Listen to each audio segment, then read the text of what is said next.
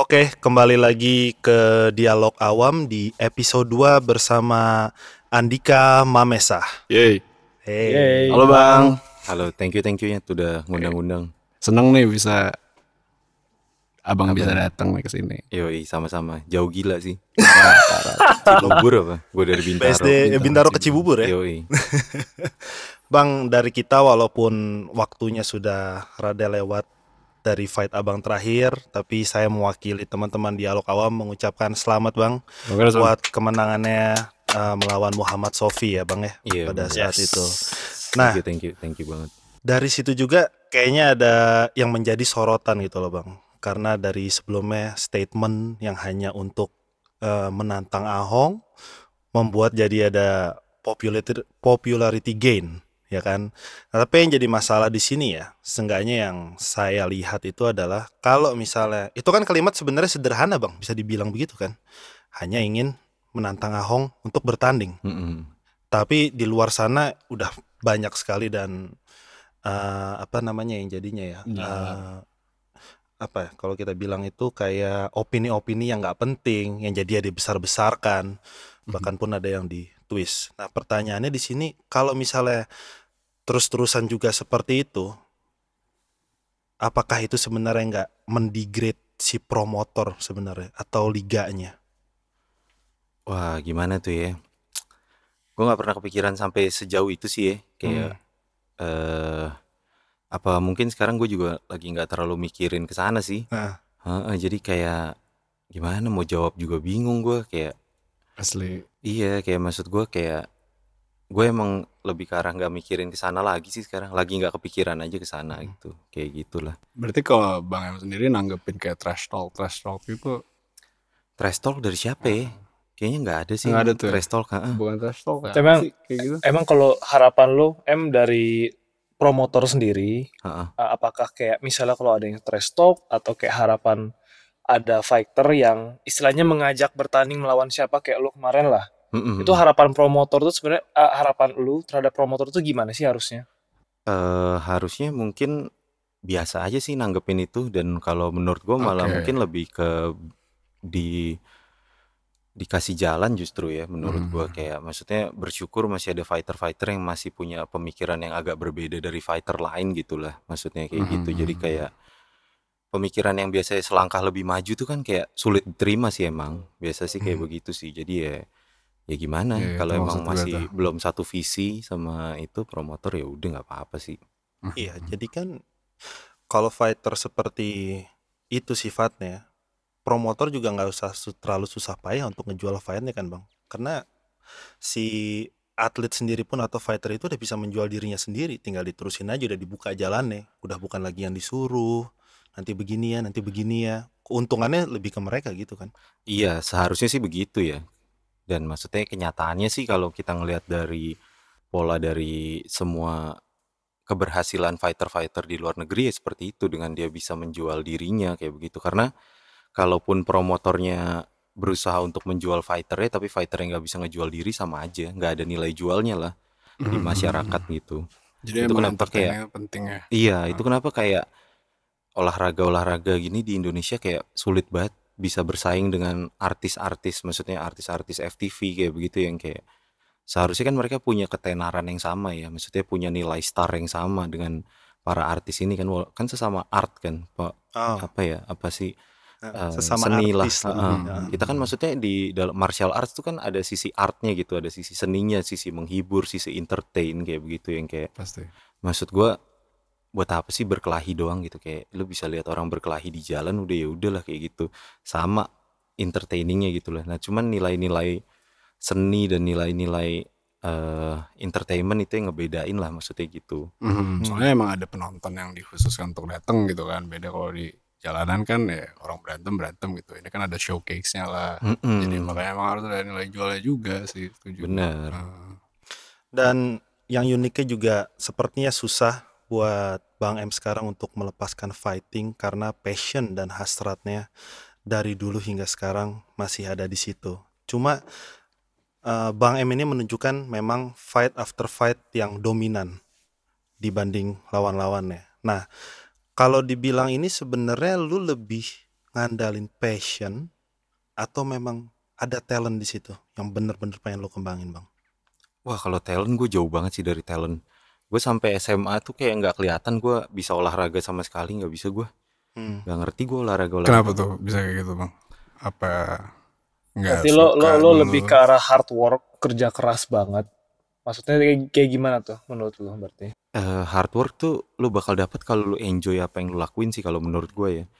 Gue dapat eh gue tuh justru eh, ngelihat martial arts dan apa sih dan industri sports entertainment itu tuh justru gue ngelihat dari sisi entertainmentnya sih lebih ke sisi seni dan entertainment Hmm. gitu dibanding sesuatu yang keras. Itu kayak yang keras itu tuh kayak cuman bagian dari bagian dari seninya lah menurut gue gitu. Ini kayak seni dari sebuah violent gitulah. Mhm. kayak begitu. Jadi menurut gue sih gue lebih percaya dengan lu enjoy dengan yang lu lakuin lah. Mhm, jadi gue sih sangat mengutamakan gue ngikutin kata hati gue sih jadi emang gue ngikutin ini secara passion sih. Jadi ketika lu latihan, Bang M eh, seharian latihan dari pagi sampai malam ketemu orang yang berbeda-beda, mungkin juga sering kali orang yang lebih jago itu malah nggak merasa capek ataupun minder malah "Ah, ya udahlah gua gua mereka mereka dan ya gua enjoy aja. Iya benar, benar ya kayak gimana ya? Kayak gue ngerasa passion, passion itu kan katanya diambil dari bahasa Greek ya, yang dalam bahasa Greek tuh patio, patio artinya rasa sakit gitu. Mhm, Jadi mhm. kayak gue mendapatkan kayak semacam satu hal yang gue gimana ya, gue dapat pleasure dari rasa sakit itu, gue memilih jalan rasa sakit itulah Mhm. kayak gitu. Jadi lewat martial arts tuh walaupun kayak ibe bisaratnya kayak gue susah dapat penghasilan, gue kayak gimana ya harus latihan yang keras tapi kayak penghasilannya nggak sebanding kayak begitu tapi nggak tahu ya gue ngerasa kayak gue tetap suka banget sama yang gue lakuin kayak gitu gue enjoy gitu lah Dari situ energinya mungkin yang buat bisa terus-terusan di situ. iya Gue juga ngelihatnya kayak mungkin kalau bakat itu kan lebih kayak apa yang lu bisa lakuin kan. Lu bakat MMA atau apa, tapi gua rasa untuk seseorang mempunyai passion, keinginan ataupun orang yang memang dablek kasar itu pun sebenarnya bisa bakat juga karena nggak semua orang dapat hal seperti itu. Lu bisa lu bisa main drum, oke gue bisa, tapi lu lakuin sama 10 tahun mungkin lu nggak mau gitu. Lu nggak mau jadi star gitu kan. Oke oke oke oke. Gitu Cuma gue rasa juga mungkin banyak orang yang nggak tahu apa passion dia. Jadi banyak Ya, yang masih iyalah. nyari juga stuck di situ dan gue rasa ada juga sih yang sampai akhir-akhirnya nggak ketemu aja gitu kan. Ya sangat disayangkan sih kalau gitu. Jadi perjuangan lo untuk mencari tahu bahwa martial art ini adalah passion lo itu seberapa lama kira-kira em? Apakah itu lama? Apakah gue udah tahu nih sebenarnya? Tapi gue tunda dulu. Apakah gue oke kayak ini fashion gue deh? iya jadi kayak gue pertama kali justru martial arts tuh jatuhnya pertama kali gue mau latihan tuh adalah gunanya untuk self defense ya Hmm. jadi pertama kali gue belajar tuh Krav Maga waktu itu Oke. Eh, yang maksudnya gue niatin maksudnya sebelumnya gue udah pernah kayak pencak silat kayak gitu gitu cuman yang maksudnya gue niatin buat belajar sebenarnya untuk self defense nya nah terus habis itu justru gue ketemu passion gue di situ sih Hmm. kayak maksud gue gue ngerasa kayak wah kok ternyata gue suka banget ngelakuin ini kayak gitu kayak Mhm. selalu ada panggilan buat latihan terus kayak gitu gitulah jadi kayak maksud gue gue selama 12 tahun di di dalam martial arts ini nih kayak gue sering banget ketemu sama orang-orang yang kayak 17 tahun latihan terus dibilang wah ini ini nih bakat selanjutnya atau enggak kayak ada yang tiba-tiba udah jago banget kayak gitu tapi seberapa lama lu bisa bertahan di sini sih pertanyaannya itu Iya, iya. jadi kayak lu apa tuh namanya orang datang dan pergi gitu di industri ini ya tapi kayak berapa lama lu bisa bertahan sih di industri ini pertanyaannya sih situ sih Soalnya industri ini juga tanpa bukan yang tanpa resiko kan. Ada ya injury-injury yang karir ending gitu kan. Kalau kalaupun lu latihan dalam seminggu sering gitu kan, tiba-tiba lu injury itu kan salah satu aset Iya. apa alasan dia berhenti juga gitu kan. Kadang risk and benefitnya tuh nggak nggak Nggak sebanding kadang. Iya, sangat sih jauh-jauh dari sebanding sih kalau menurut gue Iya. sampai sekarang sih kayak ini kayak lu nggak ada step-step di dalam nggak ada kayak satu pijakan kokoh di dalam industri ini gitu Mhm. jadi lu kayak selalu ngerasanya kayak jalan di atas jaring gitulah kayak di Hmm. atas tali gitulah kayak lu hari besok tuh sangat terasa nggak pasti gitulah di industri ini kayak gitu Mhm. lu nggak bisa dapat satu step yang kayak lu bisa nancepin bendera atau gimana gitu kayak sulit sulit banget di industri ini Terus waktu lu mengambil eh, latihan martial art yang sebelumnya untuk self defense emang sudah familiar dengan fighting atau violence dari kecil atau mungkin suka bertarung atau gimana? Nggak ada kalau dari sifat pribadi sih gue eh kalem banget ya. Kayak gue nggak Mm. jauh banget dari pemikiran buat kekerasan atau menyakiti itu jauh. Cuman mungkin dari kecil tuh gue suka banget sama ini sih WWE ya.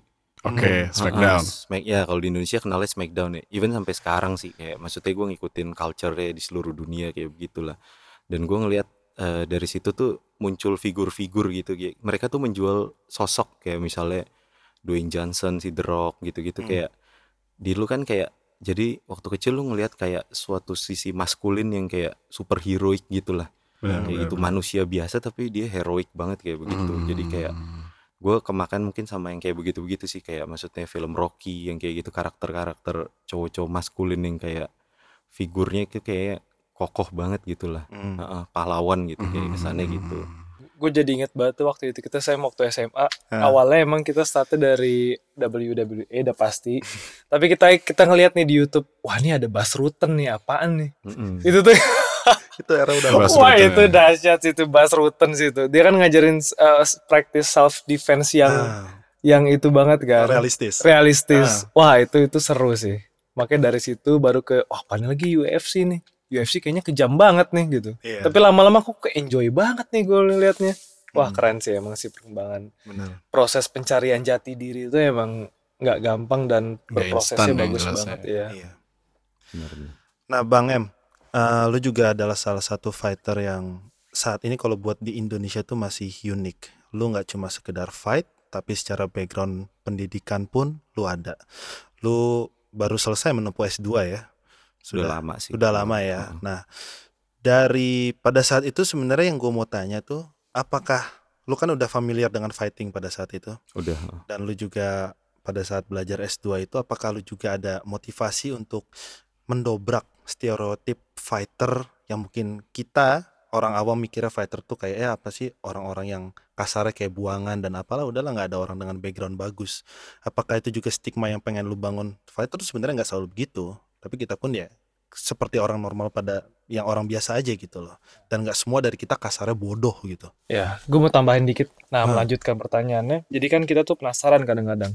Orang tuh kayak, udahlah lu fokus fight aja, pendidikan nggak usah dibiarkan kayak gitu. Kita tuh pengen tahu sih bagaimana proses lu berpendidikan dari S1, S2 sampai pokoknya pendidikan paling tinggi itu ngebentuk seorang M itu cara berpikirnya berbeda pada saat fight.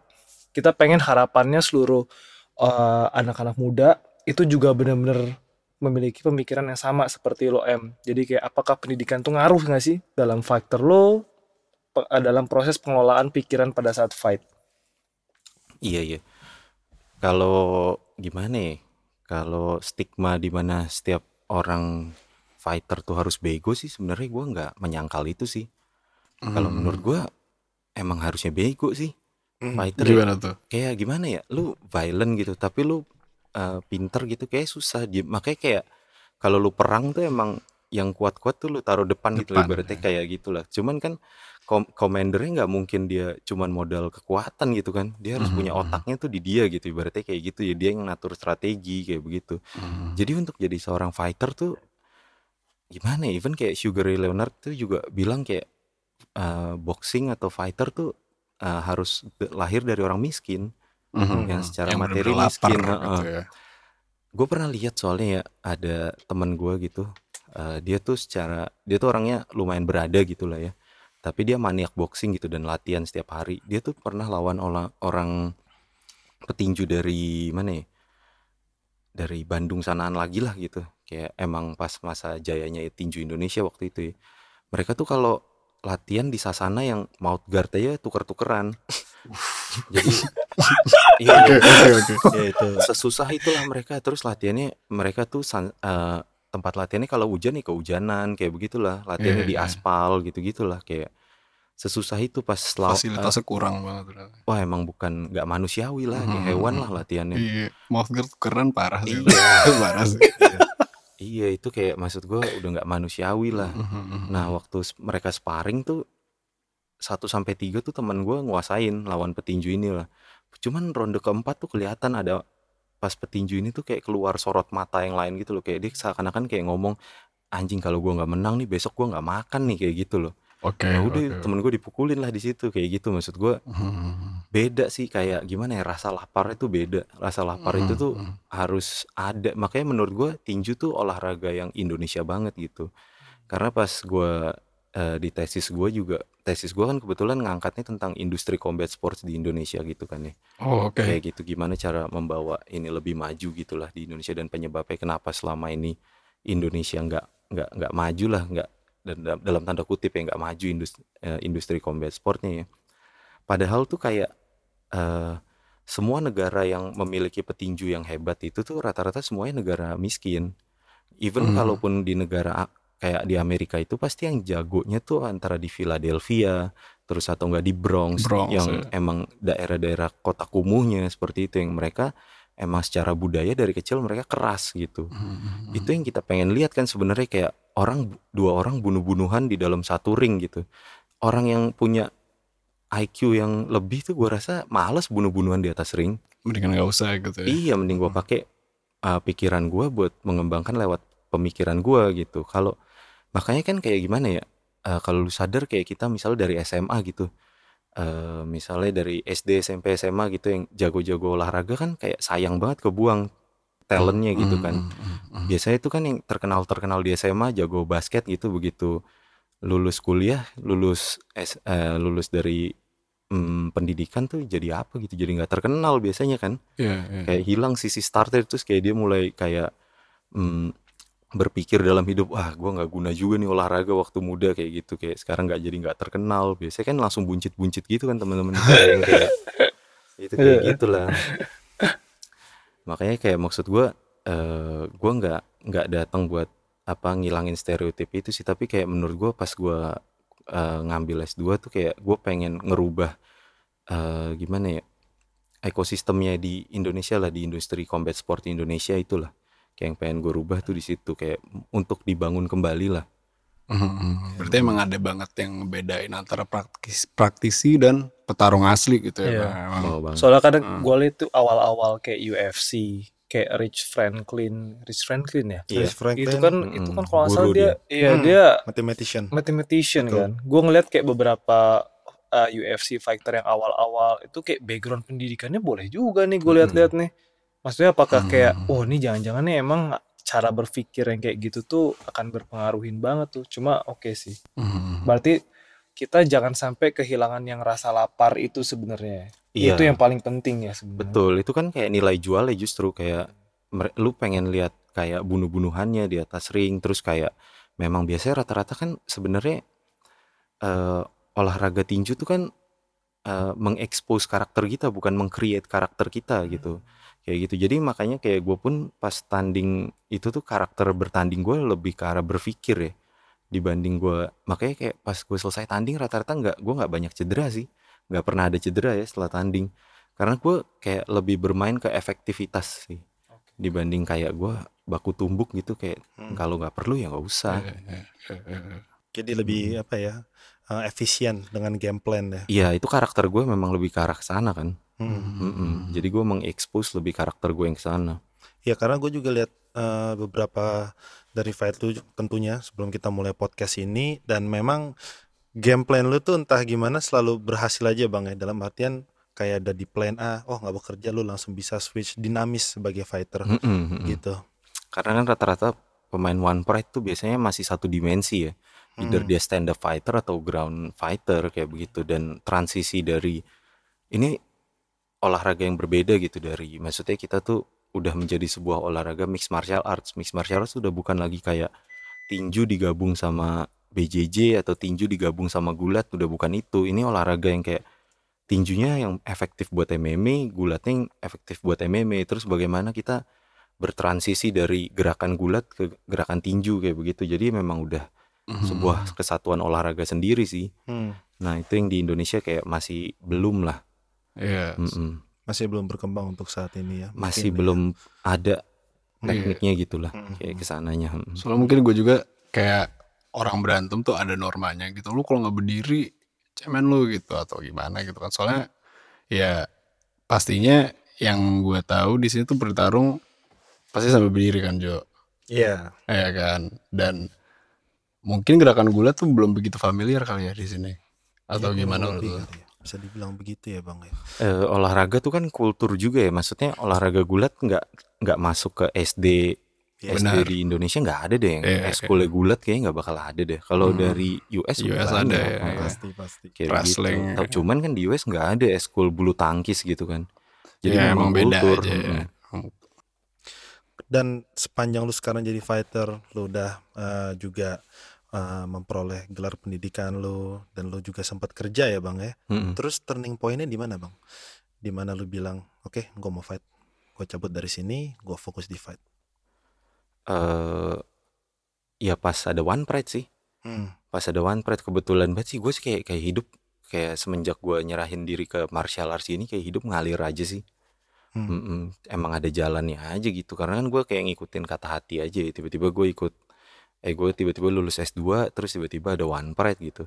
Pas ada One Pride eh kayak ya udah gue bilang kayak mungkin nih waktunya gue kayak coba dulu lah untuk jadi atlet gitu. Jadi gue di industri ini udah nyobain dari segala sisi ya jadi manajer jadi apa eh, pengelola gym jadi atletnya jadi kayak jadi pelatih kayak begitu. Jadi gue udah ngerasain nyobain Berbagai macam semuanya lah profesinya. Mm-mm. Mungkin di luar sana juga ada yang bertanya, ketika lu suka dengan fighting atau dalam eh, case-nya Bang Em ini di mixed martial arts, apakah bisa membuat eh, pribadi atau karakteristik lu jauh lebih baik daripada sebelumnya? Dan di case-nya Bang Em itu yang paling kelihatan perubahan dalam diri abang sendiri itu apa? Yang paling martial arts tuh ngajarin tentang mengenal diri sendiri sih. Hmm. makanya kan dibilang kan itu bukan meng-create karakter lu tapi mengekspos karakter lu. Hmm. jadi lu bisa kenal ke dalam sih diri lu. Mm-mm. kayak gimana ya lu kayak rasanya nggak pernah nyangka ini diri lu nih. Kayak lu bisa sekenal ini sama diri lu tuh kayak martial arts tuh sangat begitu sih. Kayak martial arts tuh kan kayak mengekspres yourself gitu lah. Kayak benar benar. bagaimana kita adalah seni dari eh maksudnya kayak kayak seni tari, seni lukis kayak begitu itu kan kayak bagaimana lu mengekspresikan diri lu ke dalam eh, karya lu ini kan. ada medianya Mm-mm. Jadi kayak martial arts tuh emang ini sih kita bisa mengekspresikan diri kita kayak melalui gerakan ini. Hmm. Dan waktu lu dulu sempat kerja kayak biasa dan sedikit mungkin menyingkirkan diri dari martial art tuh kayak stres gak sih bang pada saat itu? Iya selalu sih kayak gue emang ngerasa gitu kalau pokoknya gue jauh dikit dari martial arts tuh kayak Hmm. iya stres. Nah itu yang mungkin gue ngerasain ya itu passion gue. Hmm. Mm-mm, jadi kayak panggilannya tuh gimana ya ne- menekan banget gitu kalau misalnya gue lagi jauh dari martial arts tuh kayak gue jadi nggak kenal diri gue gitu Mm. Jadi lu nggak pernah ada periode di mana ah bosen nih mau ngapain dulu cari yang lain dulu. ada pasti ada Pasti ada ada. Hmm. kalaupun ada ya gue biasanya kayak gue ngelakuin ya udah apa yang kayak emang waktunya break dulu ya selalu cuman kayak gue nggak bisa ninggalin ini aja Hmm. Jadi apa lu mau sejauh apa pun kayak tadi lu bilang lu pasti akan selalu ngelihat itu aja kangen rindu Mm-mm, mm-mm, martial arts. bener itu itu rumah gue lah emang maksudnya kayak gue selalu netapin kayak kalau nggak ada martial arts ya gue ngapain ya gitu Iya sih benar. Itu kayak udah purpose ya berarti ya lebih Mm-mm. tepatnya. Dan dari fight lu yang dominan ini bang, dan dengan game plan yang oke pokoknya semuanya bagus. Tapi yang gue juga ketara dari lu adalah uh, lu punya badan yang kelihatannya bukan kelihatannya sih, maksudnya terlihat kayak lebih atletis gitu loh bang. Lu jack, lu build dari badan lu apa semuanya. Rata-rata fighter tuh ototnya kayak kurang timbul Mm-mm. lah kalau gua lihat di lawan-lawan lu. Nah, lu memang ada suatu latihan khusus apa gimana Bang? Kalau tipe training lu gitu loh. Kalau gue sih selalu kan kayak dari pertandingan pertama sampai ke enam gue nggak ada yang shape gue apa sih out of shape gitu ya. Mm. Jadi kayak tapi yang paling utama tuh yang kemarin yang ke enam gitu ya. Yang ke enam tuh kayak shape gue beda tuh karena sebenarnya pandemi sih. Oke, betul. Iya, kayak maksudnya gue tuh lebih banyak latihan fitness sendiri karena kan bahaya ya kayak maksudnya lu terlalu sering latihan khusus stand up kemarin gue kurang banget ya Mm. pelatih pelatih stand up gue kayak ya gue agak kurang percaya eh, tingkat higienisnya itu tingkat protokolnya mereka kayak agak susah juga gitu Hmm. kan kayak apalagi Makanya- full contact sport ini kan iya makanya kayak gue bisa dibilang pengorbanan terlalu banyak lah buat kayak kemarin kayak tanding gitu-gitulah. Mhm. Mhm, jadi kayak gue lebih banyak ke fitness sih kemarin jadinya. Justru malah ke Ke fitness ya? fitness, cuma makanya kayak gue kurang suka perform gue secara speed kemarin karena itu, heeh. Kayak begitu sih. Tapi kalau buat fight prep lo udah termasuk yang gimana ya? Udah bener-bener di-manage. Mungkin kalau Abang familiar juga dengan istilah periodisasi, udah ada kayak gitunya belum? Udah ada cycle-cyclenya apa lu masih Mhm. cenderung tradisional? Tradisional, otomatis Tradisional karena ya? yang yang lebih murah kan yang tradisional kan. Mhm, betul. Iya, kalau di Indonesia mah nggak bisa terlalu banyak mau ya, maksudnya gitu. Kita punya knowledge lebih itu udah bersyukur banget lah. Maksudnya kayak gitu. Terus gue mau nanya juga nih, kalau untuk kebanyakan kita kan di terutama fighter-fighter daerah itu kan nggak punya akses untuk memiliki pengetahuan atau eh, terutama pelatih juga yang mungkin kayak terbatas dalam hal pengetahuan di bidang olahraga. Nah, menurut lo ini gimana sih cara mengembangkan eh, dari diri mereka masing-masing yang ada di daerah terutamanya untuk menjadi seorang fighter MMA kayak gitu? Hmm, kalau untuk sekarang yang maksudnya langkah pastinya nggak ada sih ya. Bener-bener nggak ada. Cuman kalau emang lu suka sama ini, lu pasti ketemu jalan sih nggak tahu. Kalau menurut gue cuman gue cuman bisa ngomong itu ya. Karena gue ngerasain kalau misalnya satu langkah pasti di Indonesia otomatis belum karena industrinya masih tuh bertumbuh ya. Mhm. Cuman kalau lu suka otomatis lu pasti akan nyari di YouTube, terus lu akan nyari googling gitu maksud gue, lu akan nyari Ada inisiatifnya. inisiatif maksudnya kayak begitu lu akan bener-bener ngelakuin apa yang lu pengen lah istilahnya kayak gitu. Kalau lu Mhm. emang cuman pengen setengah-setengah ya susah. Benar. Tapi nggak apa-apa sih maksud gue kayak ya lu jalanin aja gitu. Mhm. Karena kan cerita orang kan beda-beda lah ya maksudnya kayak Iya, gitu. soalnya sumber-sumber di YouTube, pelatihan online itu kan banyak juga ya. Jadi Benar, kita kita iya. bisa bisa ambil dari situ. Bener, terutama kan kalau kalau strength and conditioning makin ke sini kan makin ke fungsional ya. Mhm. Jadi kayak rata-rata keperluannya adalah palu, ban, Hmm. terus habis itu lu bisa pakai batu di sekeliling rumah lu kayak gitu-gitu. Yang kalau emang lu niat sih ya dapet sih, kalau enggak agak susah emang di Indonesia masih susah, di Indonesia masih susah. Iya, ya. Kenyataannya begitu sih. Heeh, heeh. Terus lu biasanya kalau ideal buat fight itu berapa hari bang? Fight prepnya? Eh kalau gue sih rata-rata dua setengah bulan ya, 10 minggu lah. Mm-mm, 10 minggu ideal. Paling pendek yang pernah lu lakuin berapa? Eh, yang terakhir ini sih, yang Hmm. terakhir ini paling pendek. Mm. Berapa lama tuh persiapan itu, Bang? Berapa tuh? ya? Eh, enam minggu lah, enam minggu persiapannya. Bisa cerita tentang diet lu nggak bang? Mungkin lu menganut diet tertentu gitu. Eh, gue kalau mau fight tuh selalu eh terakhir ini kemarin dua tahun terakhir gue vegan, Oh vegan diet, vegan, plant vegan diet. based dong. plant based diet. Oke oke oke. Dua tahun terakhir. Sebelumnya normal aja. Sebelumnya gue pakai ketogenic diet. Oh ketogenic. heeh. Itu dari situ pindah transisinya kira-kira bisa diceritain nggak apa yang dirasain atau ada perubahan apa gitu secara power mungkin atau speed? Iya, kalau diet tuh menurut gue personal banget ya. Kayak Personal. maksud gue, eh, lu harus nyobain segala jenis diet, terus cari yang paling cocok buat lu kayak gitu. Hmm. Kalau kasus lu, lu apa yang lu rasain kira-kira? Hmm, kalau ketogenic diet itu eh, banyak juga keunggulannya sih, kayak Hmm. menurut gue. Cuman eh, dia tuh gimana ya, kayak lemak gimana ya, kayak gue gue nggak bisa gimana ya, susah sih nyimpulinnya ya. Kayak Oke. maksudnya kalau dari sisi buruk ya, cuman sisi baiknya banyak banget sih kalau ketogenic ya. Dia nurunin berat juga cepet banget, kayak bisa bisa langsung turunnya tuh bisa langsung lah ibaratnya kayak gitu. Mhm. Terus habis itu juga makanannya bisa enak-enak kalau ketogenic kayak begitu. Oke oke. Mm-mm. Tapi balik lagi ini kan kayak personal dari lo sendiri ya Hmm. dietnya ya. Mungkin tiap orang memiliki uh, pola dietnya masing-masing, Iya. efeknya. Oke. Jadi emang uh, trial error juga ya. Iya, trial error. Kalau vegan tuh, eh kalau plant based tuh lebih ke stamina sih kalau gua. Oke. Stamina kuat banget kalau plant based ya. Mhm. Stamina secara yang kayak long run, terus habis itu boxing, kayak begitu-gitu tuh. lebih durable. gitu ya. Iya, Oke. panjang deh dan apa ininya juga apa tuh namanya recovery-nya cepet banget. Oh gitu. Heeh, recovery-nya bagus deh. Berarti frekuensi latihan bisa dinaikin ya Bisa. Oke Hmm, oke.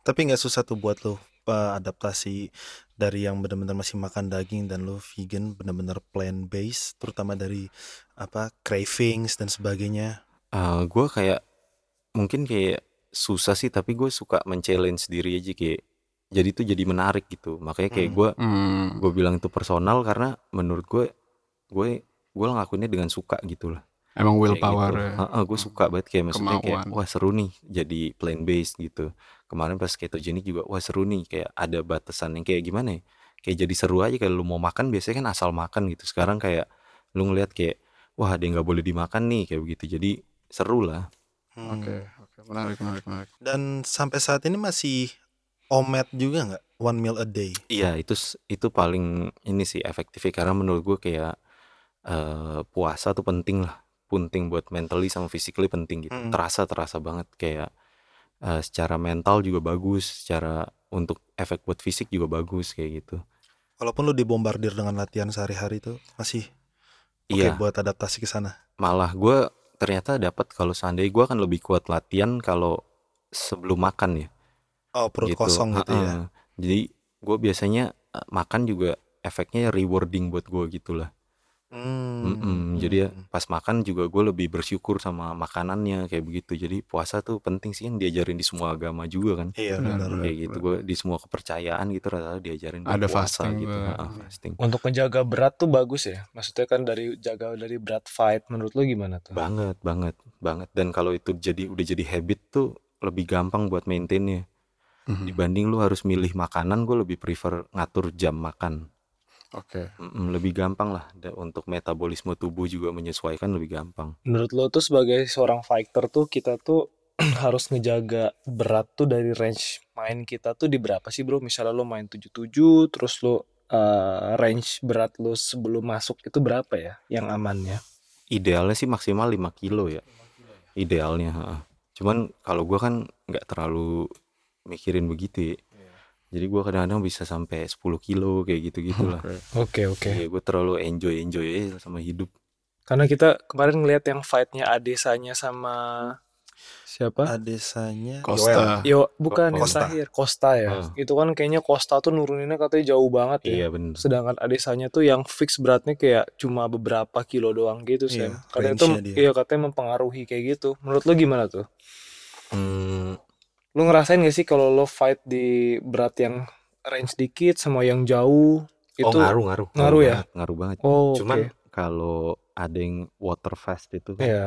kayak maksudnya emang cuman buat ngu- ngurangin kadar air di tubuh terus kita Hmm. nimbang terus kita bisa balik ke berat kita yang semula kan maksudnya ada juga udah pakai teknik kayak begitu ya jadi Iya. kalau sekarang tuh pengaruh-pengaruh nggak pengaruh sih ya udah udah ada sainsnya soal ibaratnya tuh kayak gitulah jadi maksudnya eh ya itu pengaruh-pengaruh nggak pengaruh sih tergantung banget lah semuanya udah sekarang Hmm. Mm-mm. Nah, mengenai coaches nih, gua kalau gua ngelihat eh, kayak Bruce Lee, Bruce Lee itu mentor dalam fight itu banyak apa coachnya kayak gitulah.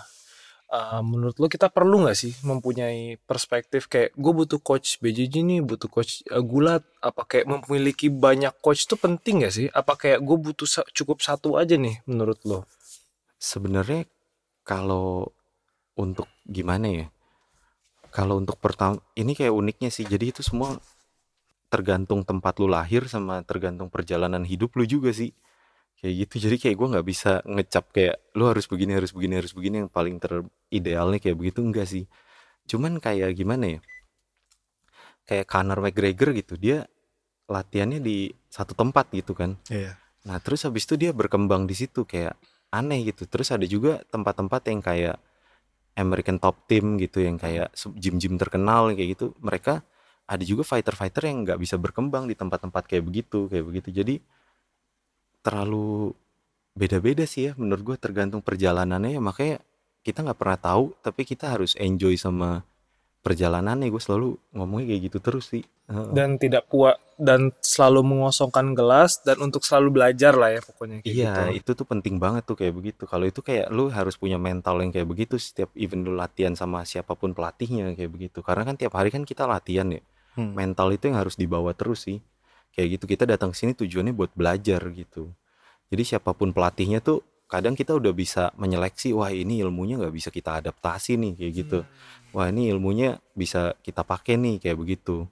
Jadi uh-uh, nilai justru pentingnya justru memang di mentalitasnya sih kalau mau belajar dibanding pelatihnya. Oh, tapi itu lo mengatakan kayak eh, ketika satu coach lu mengatakan lo harus ngelakuin A, terus menurut lu kayak wah ini kayaknya nggak efektif buat gua lu nggak ngomong langsung kan tapi kayak lo tampung aja dulu berarti ya Iya, kalau bijaknya sih menurut gue begitu ya. Karena kan kayak maksudnya kita kan juga menghargai pelatih yang mau sharing gitu lah. Maksudnya kayak dia udah mau sharing tapi walaupun itu salah ya udah mungkin Iya. kita diem aja lah kayak gitu. Mungkin tuh bijaknya aja sih ya. Lu dari pertanyaan Alfat yang tadi tuh yang kayak lu harus belajar dengan banyak coach tuh ngikut ngingetin gue sama eranya GSP tuh. Hmm, Itu cornernya gila semua sih. Iya. Gua lihat ada Viras, ada Viras. John Danaher, ada Phil Nurse, Greg Iya. Jackson, semua yang ngumpul di satu corner. Itu keren banget. iya Hmm.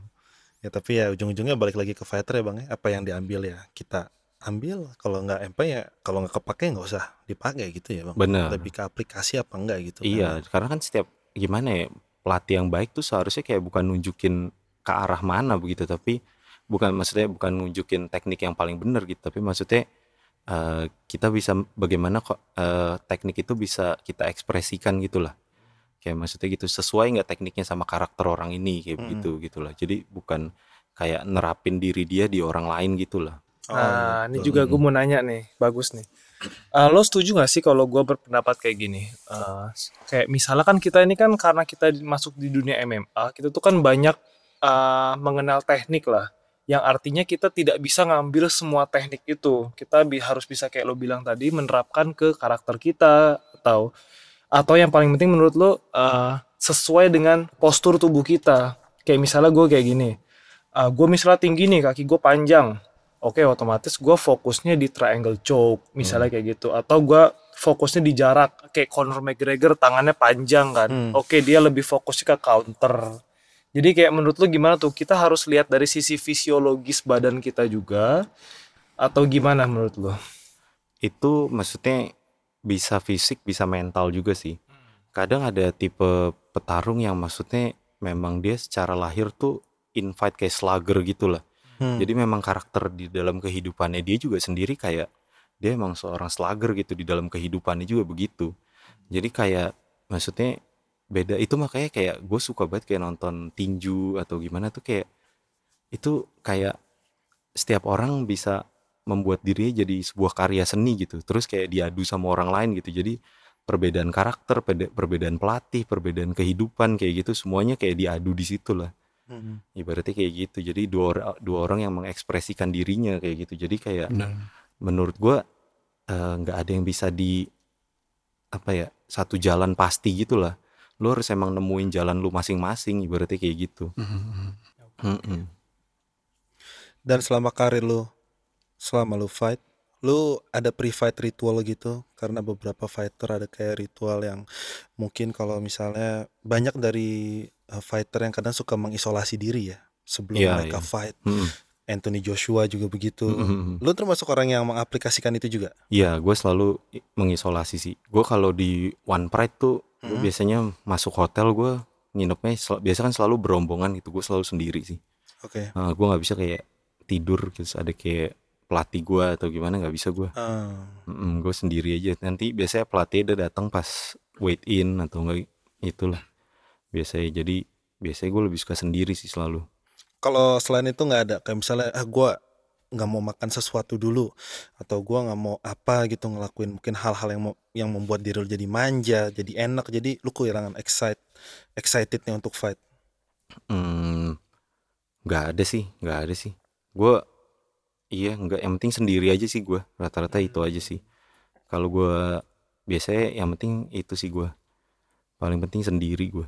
Iya, bisa apa ya ngerasain bener-bener nyaman, istirahat nggak ada gangguan karena lu besok Iya. udah lu fight gitu loh kan. Lu Mm-mm. mempertaruhkan semuanya, Iya. latihan lu, diri lu gitu kan. Mm-mm, jadi kayak gue biarin diri gue kalau mau tegang ya gue tegang sendiri kalau gue mau santai santai sendiri kayak begitu jadi lebih enak sih gue bisa ngerasain diri gue gitu tanpa kayak ada orang yang kayak misalnya gue lagi tegang terus bilang udah nggak usah tegang gitu kayak wah kenapa nggak usah tegang Hmm. iya Iya sih gitu Bisa- enjoy di eksper- eksperimen itu kayak experience itu kayak terasa banget gue enjoy banget Bisa lu ceritain tentang fight pertama lu nggak bang? Kayak apa yang lu rasain waktu itu? Karena itu kan perdana banget gitu. Harus fight, fight perdana di mana nih ya? di bener-bener yang pertama pertama lu masuk ke industri ini mungkin itu eh, pertandingan antar gym Yang Yang jelas kayak gitu. eh, yang Tahun pertama yang bisa lu inget. tahun 2009 apa 2008 gitu kalau nggak salah. Mhm, Di mhm. di di di Spider ada namanya. Oh, Mhm, Spider ya. Mm, mm, mm, daerah Mhm. Trogong situ lah, Trogong Jakarta Selatan. Hmm. Itu kayaknya gue gimana rasanya ya? Udah lupa sih gue. Udah lupa ya? Heeh, kayak Heeh. maksudnya ya udah gitu kayak tanding cuman ya udah. Aha, Kayak sih deg-degan sih. Selalu sih gue selalu deg-degan sih kalau mau tanding ha. Yang gue Adrenalin pasti naik tuh. deg-degan, takut Heeh. sih rata-rata. Oke, Iya. oke. Mm-mm. Kalau gue dulu juga sempat beberapa kali ya di Tiger Shark gitu kan bang Hmm. ya ikut nih lagi ada turnamen ini gue selalu deg-degan dan yang udah trademark gue tuh gue selalu pengen muntah entah gimana gue tanpa ada sebab beberapa detik beberapa menit di hari itu gue selalu pasti hoe hoe sendiri nggak jelas itu nervous banget Ya. nervous banget Jangan lo sekarang kayak gitu Sam. Enggak Bisa ke gua covid anjir. tidur juga nggak nyenyak ya kan lu masih bisa tapi bang tidur kayak biasa H min satu biasa ya bang Kadang bisa, kadang enggak. Iya, bener. Mm-mm. Gitu sih kalau lagi nggak bisa ya udah gue nggak apa-apa nggak usah tidur kayak Mm.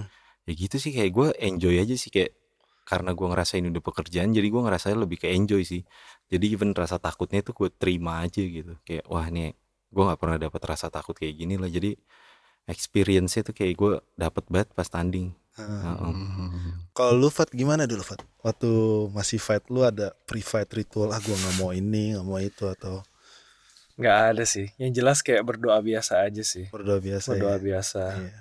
Nggak ada yang khusus. Nggak ada yang khusus ya? Mengitari lapangan, sentuh semua ring gitu guys. Nggak, nggak, nggak, nggak sampai Nggak segitunya nggak ya? sampai fudu-fudu Nggak. gitu kan. anjing nyiram air fuh ke atas itu siapa GSP ya Iya lu sih, ya? Iya. Enggak, enggak, enggak sampai situ sih. Nggak sampai situ ya. Eh, Tapi penting juga gak sih bang untuk mengembangkan eh, alter ego pada saat mau fight ataupun pada saat fight.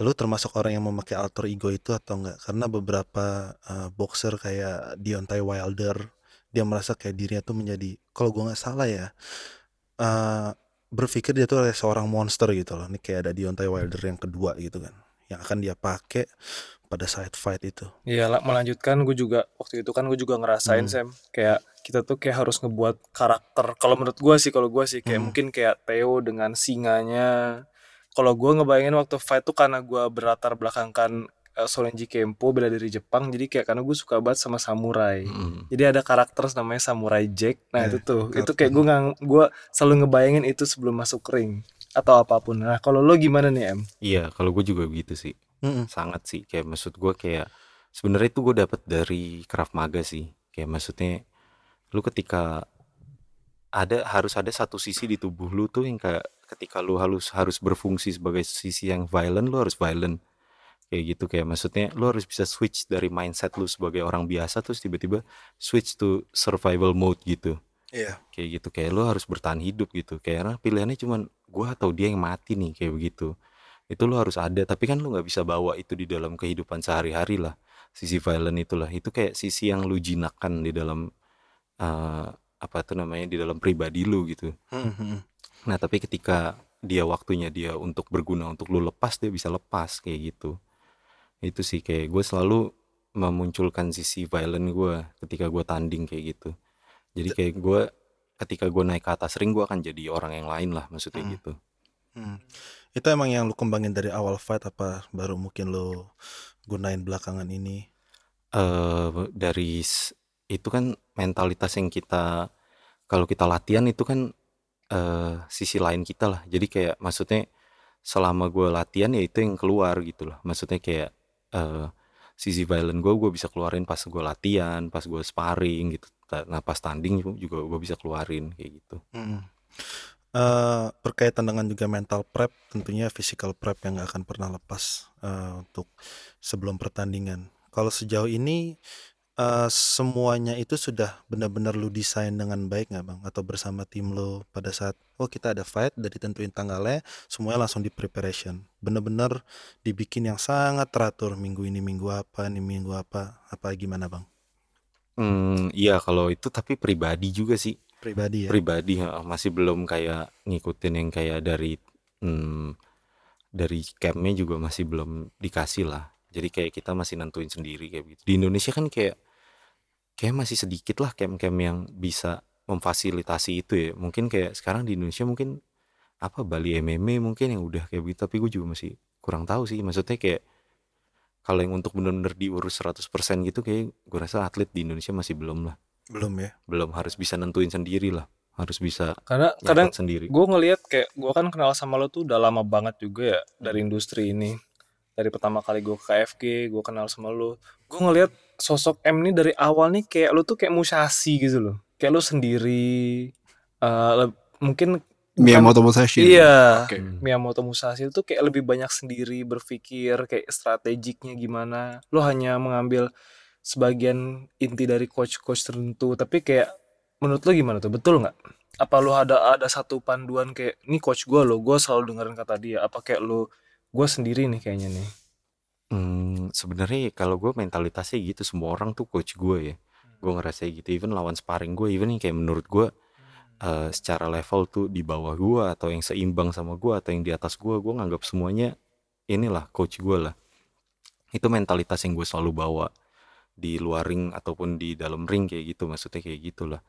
Itu ya menurut gue penting sih punya mentalitas kayak begitu ya. Jadi kayak mau selalu belajar aja sih. Selalu Jadi ada yang bisa "Ah, ah, dipelajari. Pasti dari setiap orang tuh yang ada yang kita bisa ambil lah ibaratnya kayak begitu. Menarik nih soalnya ngomongin Musashi di bukunya emang ditulis. Jadi tuh dia punya teori namanya kalau nggak salah tuh beginner's mind. Jadi tuh lo harus selalu ngerasa diri lo tuh pemula gitu akan semua hal gitu di dunia.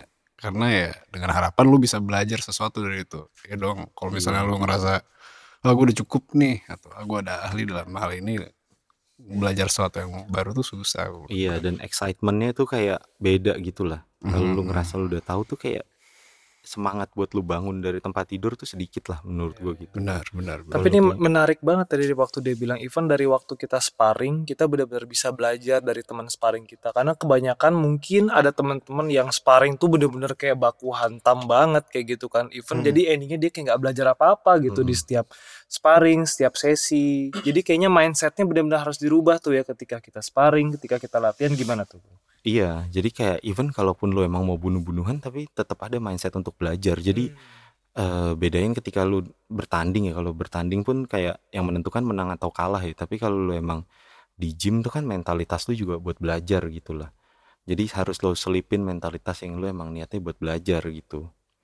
Jadi kayak eh, beda kalau lu latihan kayak ya lu berusaha untuk menang tapi yang menentukan bukan menang atau kalah karena lu pasti belajar gitu kan Hmm. kayak begitu kalau di atas ring ya lu ya memang udah beda secara mentalitas kan kayak mentalitas lu harus menang lah ibaratnya kayak gitu Berarti bro, proses belajar lu misalnya kayak dari pertama kali lu misalnya tahu dari YouTube, oh ini ada teknik namanya triangle choke atau RNC nih. Nah itu proses belajar sampai lo kepraktekan tuh kayak gimana bro? Kalau kalau boleh tahu. Jadi kayak biar bisa share teman-teman yang di luar sana tuh kalau mau belajar tahapannya kayak gini loh. Lo harus tahu A, B, C sampai akhirnya lo praktekin. Eh, paling utama lu harus belajar basic sih itu yang paling utama dari semuanya ya kayak maksudnya eh gue selalu kayak ngeliat ibaratnya kalau gue bandingin dari tinju gitu ya tinju tuh seharusnya lu belajar dari pertama stance terus habis itu pukulan-pukulan dasar. Karena tinju itu kan yang paling simpel ya dari semua bela diri. Lu cuman gunain dua tangan. Tapi di balik kesimpelannya itu sangat kompleks kayak begitulah. Kan kalau di mungkin ada satu kata yang kayak maksudnya apa sih tinju? Tinju itu adalah sebuah seni yang kayak eh, seni di mana gue bisa mukul lawan gue tapi lawan gue nggak bisa mukul gue cuman itu doang kalau dijabarin arti tinju ya. Hmm. Tapi ketika dia dijabarin jadi detail-detailnya itu kayak ternyata ada menggunakan footwork ternyata harus ada head movement ternyata ada pukulan kombinasi kayak begitu. Jadi pas dijabarin menjadi sesuatu yang kompleks kayak begitu. Kompleks. Ya nggak nggak cuman um, aspeknya tuh nggak cuman dua tangan lo doang gitu kan. Mm-mm. Nah itu kalaupun kita kayak belajar tuh makanya menurut gua kita harus belajar semua basicnya dulu. Kita harus punya kayak pelatih yang kayak ngajarin kita semua basic-basicnya lah ibaratnya gitu. Jadi kayak sama kayak kita sekolah lah kita SD SMP SMA S1 S2 S3 gitu. Kalau kita lihat yang kayak petarung-petarung yang di luar negeri yang kayak udah punya rekor-rekor tinggi mereka mungkin hitungannya udah S3 ya. Di mana seharusnya misalnya basic tuh eh, jab mulai dari tangan dari dagu gitu. Itu adalah basic yang harus kita pelajarin. Tapi karena kita udah S3 kita bisa mematahkan teori itu di mana kayak ternyata tangan nggak perlu harus di atas tangan bisa di bawah terus kita bisa ngelakuin jab kayak gitulah jadi menurut gua kita harus belajar tuh emang ada jenjangnya Mhm. Nah, yang gue yang gue tahu nih juga ada tahapan kayak pem- salah satu cara belajar lah. Hmm. Jadi waktu itu gue pernah baca buku juga dia bilang pertama sebelum lo lo harus ngikutin kata pelatih lo lah. Maksudnya kata pelatih awal dulu atau lo lihat video bener-bener full banget.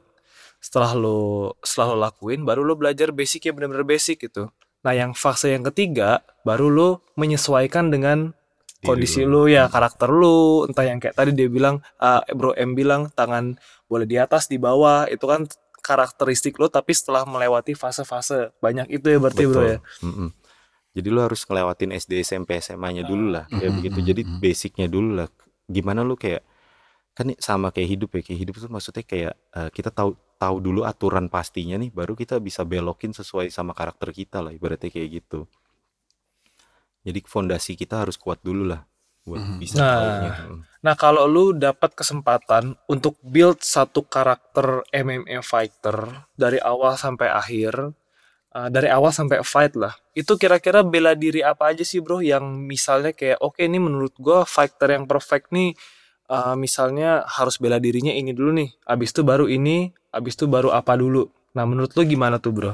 Jadi biar yang teman-teman mungkin ada bayangin nih oh gua awal-awalnya harus ini dulu nih mungkin atau nambah pengetahuan di bidang bela diri A B menurut lu gimana? Eh, kalau MMA sih sebenarnya mungkin yang paling berpeng gimana ya MMA itu juga maksudnya kalau kita lihat dari seluruh apa perjalanan waktunya ya itu kayak selalu berganti kayak misalnya dulu pertama kali MMA muncul dengan Gracie family-nya di mana Jiu-Jitsu Iya. tuh sangat sangat kental lah di Dominan MMA banget. ternyata tiba-tiba muncul lagi juga kayak eh, gulat Greco ya waktu itu ya kayak era-eranya Randy Couture di mana dia kayak bisa ngelakuin dirty boxing dari jarak clinch kayak begitu ternyata cage control tuh berpengaruh kayak begitu-begitu terus jadi terus ada juga scene di mana Pride FC sempat terkenal ternyata nggak eh, mereka nggak bisa gunain cage control karena eh, menggunakan ring ya Ring, waktu itu Di. Pride. Ring Heeh, gitu. nah kayak begitu jadi terus muncul kayak Fyodor Emelianenko yang kayak dia ternyata dari sambo gitu kan yang pure iya, iya. satu olahraga doang yang kayak Monster. dia nggak belajar tinju sendiri nggak belajar BJJ sendiri tapi pure sambo terus habis itu ada era di mana kayak eh, bertarung tuh sprawl and brawl yang kayak maksudnya eh, ternyata petinju tuh sama Muay Thai fighter tuh ternyata efektif lah di MMA kayak begitu. Tapi mereka harus menguasai sprawl dengan baik kayak begitu. Jadi era tuh berubah sih.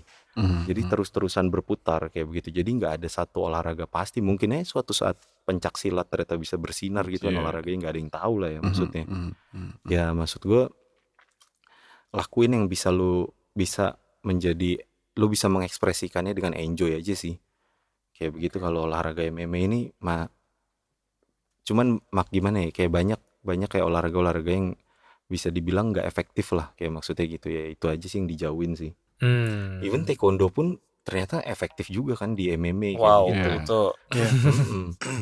Jadi nggak ada sih satu olahraga yang kayak bisa dibilang dia mendominasi gitu. Mungkin bisa dibilang gulat gulat tuh yang paling inilah ya. Mungkin dia tuh dia tuh yang mem- bisa mentransisi antara lu mau bertanding stand up atau ground kayak begitu. Dia tuh yang ada di titik tengahnya lah ibaratnya kayak gitu. Jadi mungkin kalau untuk fondasi bagus, gulat bagus, tapi stand up juga penting kayak begitu. Tapi apa pittingan atau kuncian juga penting dari BJJ juga penting kayak gitulah. Hmm, hmm.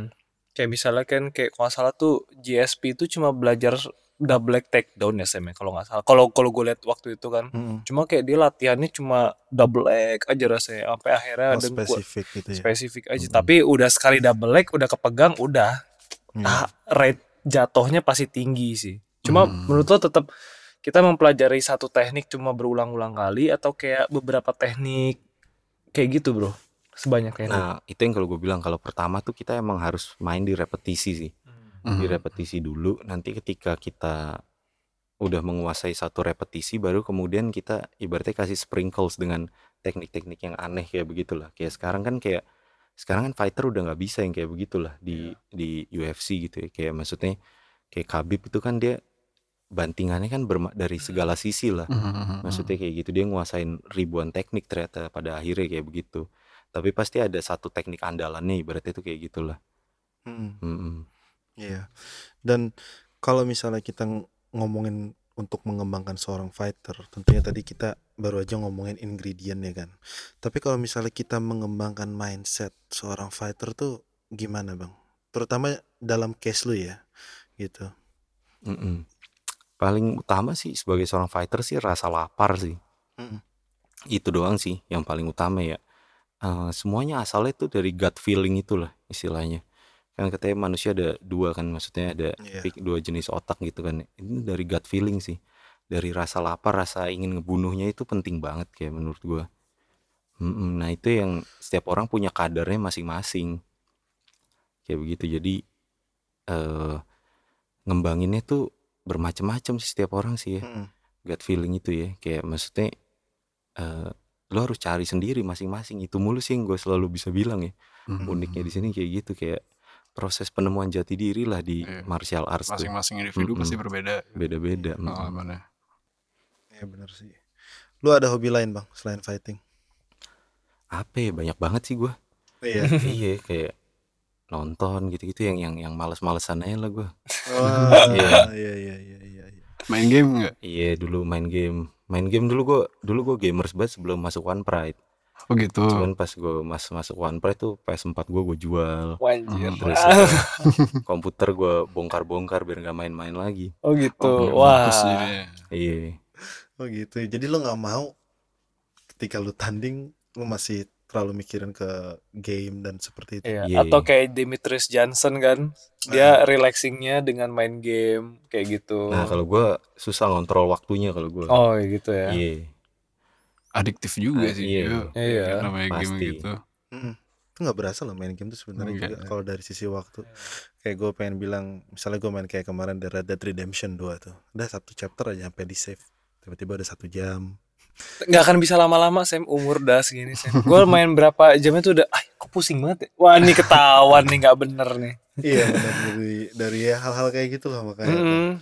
apa ya nyita waktu nyita perhatian juga nah bang berarti kalau mindset itu juga kembali ke orangnya dan dia juga harus nyari dan pilih mana yang emang bener-bener paling efektif buat dia gitu bang ya Iya benar-benar. bagi lu adalah jalan terbaik eh, melalui gut feeling gitu ya Hmm, iya kalau gue itu. lebihnya. mm. Jadi panggilan passion juga sih. ya. Kayak gitu gitulah. iya heeh. gue banyak hal yang kayak sulit gue jelaskan secara ini. Mm, Hmm, karena martial arts ya kayak banyak hal yang lebih ke arah nggak masuk akal ya khususnya di khususnya di karir gue di di uh, scene in combat sports Indonesia ini mm. kayak terlalu lebih ke arah nggak masuk akal sih gue. Iya Nggak sih. masuk akal maksudnya eh, lebih ke arah spiritual gitu mungkin. Atau Ya bisa juga sampai ke sana kayak gitu Oke, juga lah oke, kayak oke, oke. Heeh, karena kayak maksud gue kok gue bisa sampai masih bisa ngejalanin ini kayak gitu dan gue Mhm, masih mhm. bisa dapat ah, bisa cari makan lewat sini kayak gitu Hmm. kayak gue masih Mhm. iyalah masih lumayan unik lah menurut gue. tapi selama bang M fighting ada gak sih mungkin pertandingan atau momen di mana yang menurut lu itu kayak life changing bagi lu sendiri Setiap pertandingan sih selalu sih Hmm. selalu ya selalu karena gue kayak bisa nurunin ke berat 77 aja tuh kayak menurut gue ini nggak masuk akal sih kayak gitu gue selalu kayak ngerasa gitu ya kayak gue setiap latihan kayak gue bisa ngelaluin latihan-latihan yang kayak berat dan kayak gimana ya kadang gue ngerasa ini nggak masuk akal aja sih. Ada Mm-mm. aja tapi maksudnya itu hal yang nggak bisa lu ngejelasin ke orang. Kalau misalnya lu cerita pun orang pasti akan bilang nggak mungkin lah mana bisa gitu kan. Tapi ya lu Iya. ngalamin itu. Iya. Gitu kan. Makanya kayak maksud gue pribadi banget sih terlalu pribadi. Kayak maksud gue kayak gitu kayak sus- sulit untuk gue jabarkan lewat kata-kata gitu ya. Karena tuh lebih kerasa kan ya. Iya benar cuma Mm-mm. ya kalau ditanya lu dan diri Mm-mm. lu aja iya yang benar-benar karena rasa itu ya kayak mm, Iya, feel benar. gitu kan Nah kan MMA ini kan sekarang juga lagi berkembang ya kan di Indonesia dengan adanya One Pride dan juga beberapa fighter kita ada di One FC gitu kan. Selain talenta dan lain-lain, itu sebenarnya mungkin hal yang rada tabu gitu ya. Kalau PED itu dikontrol nggak sih? Diawasin bener-bener nggak sih? PED atau steroid atau apa pun lah. PD itu oh Performance enhancement drug yang biasanya Oh, yang buat- ah, iya, dan iya. sebagainya. di Indo gue kurang tahu sih ya Mhm, kurang tahu gue kalau ini ya mhm. dia sistemnya ini kan ya urin nih Urin biasanya biasanya tes urin. Masalahnya ada yang dijadwal sama ada yang random. testingnya gitu aja sih. Oh kalau gue di One Pride cuman pas kapan ya? Ada sih ya, kalau nggak salah ya ada ya. Ada ya. Tapi nggak nggak yang apa rutin apa gimana sih mah enggak sih? Oh, oke. Heeh, heeh. oh iya iya. Berarti bisa dibilang ya masih ya 50-50 lah. Lah di Indonesia gitu ya. maksudnya beli susu protein aja udah untung gitu. Iya. Mau Iya. pakai apa Iya. apa eh, Steroid. steroid Steroid. segala nih dari mana? Nggak, Iya. itu nggak murah sih. Iya, Aduh. Tapi kalau misalnya lu lagi di fight nih bang, eh lu tentunya kayak tadi, siapa yang lebih lapar dari siapa, oke? Mm. Nah fight itu kan juga ada rules, di mana lu kayak nggak boleh mukul kepala belakang dan sebagainya. Itu udah listed, ditulis. Tapi ada juga beberapa gerakan yang mungkin nggak diregulate, walaupun bahaya, tapi akhirnya tetap dilakuin. Kayak misalnya John Jones, dia kan suka nendang ke dengkul orang tuh bang Iya. kayak hal itu kan sebenarnya banyak orang bilang oke memang itu nggak dilarang tapi kayak buat fighter antar fighter tuh dibilangnya kayak nggak terlalu etis karena tuh malah ngerusak karir. Menurut lu gimana bang tanggapan seperti itu? Oh iya itu atau kalau mungkin ada beberapa hal tersebut juga nggak gua nggak mau lakuin ini ya kayak gitu? Kalau gue nganggapnya sih itu inovasi sih ya. Kayak gue nganggapnya gitu ya. Pasti kayak hal-hal yang justru yang bertentangan sama pendapat masyarakat tuh ya ya itu inovasi sih menurut gue biasanya kan kayak begitu memang inovasi kan nih gue nggak menentang itu soalnya kayak menurut gue dengkul copot sama gegar otak sama aja sih menurut gue Iya. Iya kan maksud gue lu ditendang kepala gitu. Terus lu Mhm. nginjek dengkul orang ya sama aja maksud gue gitu. Hmm. maksudnya nggak nggak nggak secara langsung menentukan karir dari orang itu juga ke depannya kayak gitu. Karena kayak gimana ya kayak Michael Bisping tuh kan ditendang palanya Vitor Belfort matanya copot gitu kan. Kayak gitu kayak maksud gue lebih bahaya itu Mhm. Heeh, dibanding dengkul copot kayak mendingan dengkul copot daripada mata nggak ada kan ibaratnya gitu Hmm. Ma- mata itu copot gara-gara itu ya fightnya. Lepas kan, lepas apa gimana sih? maksudnya kayak kalau nggak Iya, salah iya, iya. heeh, ada yang pecah ada yang oh, ada yang oh pecah ada yang gitu, itulah. heeh. Oh, shit. Iya iya iya. dan dia bukan ngelawan Vitor Belfort biasa Fat. TRT Mm-mm. Vitor Hmm. jadi waktu itu steroid ya Iya. Iya, dibilangnya iya, kan iya, iya. testosteron replacement therapy kan Mm-mm. tapi itu badannya bener-bener gila sih waktu itu Vitor Belfort yang bener-bener kering dan ototnya yang keluar semua lu udah kayak ngelihat kebo deh ibarat kata kalau lu lihat dia waktu itu Eh lo ada pakai apa misalnya ada nggak sih asuransi untuk khusus fight kayak gitu? Gue nggak tahu sih sebenarnya. Cuma kayak kadang kita tuh Hmm. proteksinya tuh gimana sih? Kalau untuk misalnya Hmm. kita amit-amit baca cedera kayak gitu. wah nggak enggak sih kayak Lo dari dari one pride BPJS doang sih kayaknya Oke. Oke. iya nggak tahu Pengalaman- dah tuh menjamin apa kagak Pengalaman gua sama Nggak asuransi sih dulu sempet cedera Iya. gara-gara uh, grappling. Terus gue coba klaim tuh kan. Iya. Karena emang mungkin bodohnya gue lah gue tulis karena apa reasonnya tuh Ah, extreme iya, iya, sport iya. mereka nggak mau Cover ya. cover man gitu karena emang Iya, iya, extreme sport risknya tinggi mungkin gitu yang gue tahu Iya, sih gitu Gue kalau memang lu cedera saat fight langsung bisa dilarin ke hospital tanpa ini kan di emang bener-bener ditanggung pihak promotor kan eh itu gue nggak paham sih itu gue Ah. nggak ya mungkin puji Tuhan gue belum pernah ngerasain kali ya Iya. tapi cedera terparah gitu. lu selama fight ini atau proses latihan lah itu di mana aja bro? wah satu badan sih ya udah Oh udah ada satu hitung sih, badan. heeh. ya maksudnya udah semuanya Oke. ngerasain. Hmm. udah panjang kan udah 12 Hmm. tahun Iya. Hmm. Iya itu ya eh, cedera ya anggap pengorbanan lah kayak rata-rata kayak penting juga sih cedera sih ya Mhm, kayak buat mhm. kita juga ngerem gitu lah kayak maksudnya berhenti latihan dulu kayak kita kan nggak pernah berhenti latihan gitu kan kayak ada waktunya kita waktunya kayak buat berhenti terus berhenti Evaluasi sejenak lah gitu. heeh, hirup napas kayak gitulah kayak maksudnya jadi itu gua anggap sebagai karir juga lah kayak cedera tuh Mm-mm. Hmm. Dan lu juga sekarang adalah seorang praktisi MMA, lu fighter. Dan kalau misalnya di misalnya gua nanya perkembangan MMA di Indonesia saat ini tuh gimana sih? Em, jauh lebih baik sih kalau semenjak si ada One Pride ini ya dan One Champion ya Hmm. kayak gitu. Tapi ya kita masih merangkak gitu aja sih. Kayak maksudnya Mhm, mhm. eh, perlu waktu selama maksudnya perlu waktu aja sih ya kalau menurut gua. Karena kita juga sempat ngelaluin masa berhenti ya dari TPI fighting. Itu kayak berhentinya kayak s- nyaris 10 tahun ya. Iya berhenti Heeh, buat Indonesia buat kenal MMA tuh dulu nggak sama sekali gitu. Iya. kayak gitu. Jadi sekarang lagi berusaha membangun lagi lah kayak bersyukur sih ada kayak One Pride terus One Champion kayak gitu ya Hmm. tapi memang perlu waktu agak lama aja sih. Kalau memang suatu saat One Pride berkembang gitu kan Bang, apakah harusnya di internasionalin gitu Bang, kayak One eh, FC?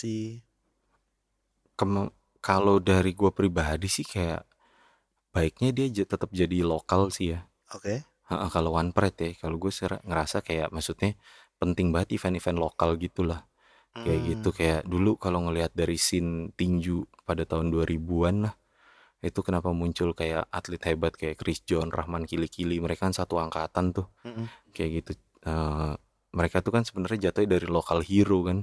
Dari pahlawan dari negara negara dari Indonesianya dulu gitu. Jadi ngebangun ngebangun untuk culture di mana orang-orang Indonesia nonton tinju dulu, terus habis itu petinjunya petinjunya jago-jago dulu. Dan itu kan butuh nggak sekedar satu angkatan kan. Kadang butuh lima angkatan dulu baru Betul. kemudian maju industrinya kayak begitu. Dari situ baru kita ngelangkah ke ini ke internasional kayak begitu. Makanya kayak tinju Indonesia sangat hebat pada masanya ya karena itu yang mereka lakuin. Dulu nyaris setiap stasiun televisi tuh ada tinjunya. Iya. Hmm, Ah. RCTI, Indosiar, TVRI, Betul. Bahkan sampai terakhirnya masih TV7 itu ya masih masih ada gitu. Jadi kayak itu makanya kayak ekosistem tinjunya juga hebat banget di Indonesia pada masanya. Dan kalau lu lihat sendiri gitu kan Bang, lu sebagai fighter mungkin lu udah pernah juga ke daerah ngelihat eh, talenta-talenta orang di sana. Tapi kalau buat Indonesia sendiri, seberapa besar sih Bang talent yang kita punya? Yang kita lihat kan kurang lebihnya kayak yang ada di TV dan sebagainya. Cuma di animonya tuh kalau di daerah sendiri tuh seperti apa? Talent mah Indonesia dari dulu mah emang negara olahraga ya menurut gua. Hmm. Kalau ngomong talent ya. Cuman buat apa talent kayak maksud gua kalau makanya seberapa lama lu bisa bertahan di olahraga ini gitu. Gue sering banget nih ngeliat kayak makanya talent Indonesia yang kayak eh pas misalnya Indonesia kan jagonya tuh di- di U16, U19 kayak gitu. Giliran nyentuh U21 pas mereka udah berpikir tentang rumah tangga, berpikir Mhm. tentang keluarga kayak gitu. Beda langsung Hmm. apa semangatnya tuh beda iya. maksudnya gitu jadi Indonesia mah kalau nu- U16 bisa juara dunia semuanya karena emang bakat di Indonesia maksudnya Indonesia kan negara yang bisa dibilang masih negara yang negara tiga lah ya yang masih berjuang gitu buat maju gitu kan Iya. nah itu kan justru bisa maju kalau lewat olah- olahraga menurut gua Hmm. karena kita semua masih punya rasa lapar yang sama lah ibaratnya kayak begitu dibanding negara-negara yang udah settle gitu lah Iya sih. kayak begitu jadi kayak untuk kita masih banyak yang masih ngandalin fisik lah dibanding otak ibaratnya kayak gitu jadi kalau secara talent mah emang negara olahraga Indonesia Hmm. Lalu dengan adanya semacam e-sport tuh menurut lu juga kayak gimana bang? Ngelihat ada olahraga baru, e-sport, bermodalkan game di handphone, apakah Iya, menurut lu itu positif atau aduh? kalau positif mah menurut gue positif positif aja selama ada peminatnya ya. kan Oke. peminatnya banyak banget di Indonesia ya cuman kan maksud gue gimana ya gue cuman nggak setuju sama kata-kata sportnya aja ya, olahraga ya mengolahraga gitu kan kayak maksudnya gue kurang suka dengan istilah itu kalau profesional gamer atau apa gitu kenapa mereka nggak Iya. memisahkan diri dari Pro sana gitu gamer gitu. Iya kan seharusnya dipisahin aja nggak ada masalah sih cuman nggak usah dibilang Kena itu sport olahraga ya. Mm. kayak gitulah Bilang ini kayak olah rasa gitu. iya Olah Daripada rasa. olahraga game, gitu. game aja kenapa sih game permainan gitu kan ini kan permainan Mhm, kayak mhm, gitu mhm. even sport pun kan bagian dari permainan kan maksudnya kayak gitulah cuman kayak tapi kan ini beda nggak ada raga, raga maksudnya gimana ya atletisismenya tuh nggak ada gitu sisi atletiknya tuh nggak ada Iya benar. Ah, lari lom lari lompat lempar lah istilahnya kayak gitu Hmm. Mm-mm, sisi atletiknya nggak ada di sini Jadi ya embel-embel itulah yang sebenarnya rada kalau gue kurang pribadi gitu tepat ya bang. Mm-mm, Kalau iya. harus menggunakan sport itu ya, Iya. professional gamer ya, it's okay iya nggak apa-apa sangat sangat maksudnya gitu mending lebih diarahkan ke sana gitu karena eh, khawatir sih lebih ke arah mindset anak-anak muda ya Mm-mm. maksudnya yang nggak bisa nanti pada akhirnya ngebedain antara olahraga dan permainan gitu lah Betul. ibaratnya kayak gitu karena eh, profesional olahraga tuh ya harus menggunakan atletis sih menurut gua Mm. atletisisme itulah Hmm, jadi menggunakan eh, apa badan yang justru Mm-mm, sebagai raganya. mediumnya itu ya. raganya betul ah. nilai seninya ada di situ Iya sih, itu juga soalnya dan juga terkait apa namanya bayaran itu juga jauh ya bang ya maksudnya untuk e-sport kadang juga dibayar lebih dari atlet yang sungguhan itu Karena Mungkin peminatnya ya itu tadi.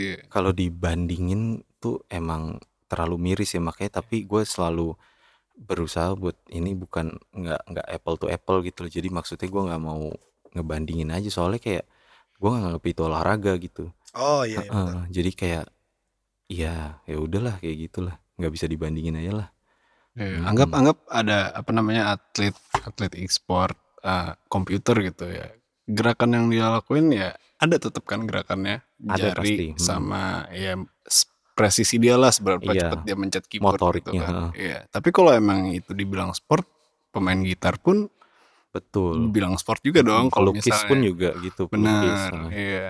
Setuju banget sih gue tuh kayak dibedain Gimana? aja apa susahnya gitu maksudnya Iya. kayak agak beda itu memang beda sih kan maksud gue apa pun kayak lari lompat lempar sih itu penting sih mhm, mhm, mhm. Mm-mm, itu kan basic ya maksudnya dari kita belajar di olahraga penjaskes juga gitu kan kayak Mhm, teorinya ngomongnya begitu gitu loh mhm, mhm. Hmm, gitu kalau misalnya pun emang udah berbeda dari itu berarti eh, departemen pendidikan juga harus mengganti itu istilah-istilah kayak begitu udah harus diupdate maksudnya kayak gitu Mhm. bener sih memang ya takutnya ya ya benar tadi ketukar itu misinform itu yang akhirnya jadi apa ya pandangan orang tuh juga Satu generasi soalnya Sam. Iya Satu juga generasi sih. soalnya yang salah nanti. benar juga sih gitu Mm-mm. berarti kalau misalnya ditanya kalau Indonesia mau perkembangin ya let's say kita udah ada talent di boxing itu bang terus kita butuh apa nextnya bang atau kalau misalnya mungkin suatu saat abang ditunjuk jadi menteri olahraga itu langkahnya gimana bang praktisnya langkahnya tuh sebenarnya nggak usah dipersulit aja sih karena kan kita udah punya bakat ya iya. Jadi kayak nggak usah dipersulit aja kalau sebagai pemer- kalau ngomong tentang pemerintah ya. Nggak usah dihalangin doang maksudnya gitu. Biarin mereka berkarya gitu. Kayak maksudnya hmm, kalau ngomong pemerintah ya kayak misalnya liga sepak bola terus tiba-tiba ditutup gitu kan. Atau gimana yang kayak gara-gara ada konflik internal kayak begitu itu kan menghalangi atletnya lebih ke arah sana sih. Iya sih kalau ditinju juga begitu kayak maksudnya soal izin atau bagaimana tuh seharusnya nggak usah dipersulit aja nggak usah bantu deh. Jadi nggak usah sampai tahap bantu maksudnya gitu kayak pemerintah nggak usah bantu tapi biarin aja mereka berekspresi gitu loh jangan dipersulit. Mhm, mhm. itu doang sih.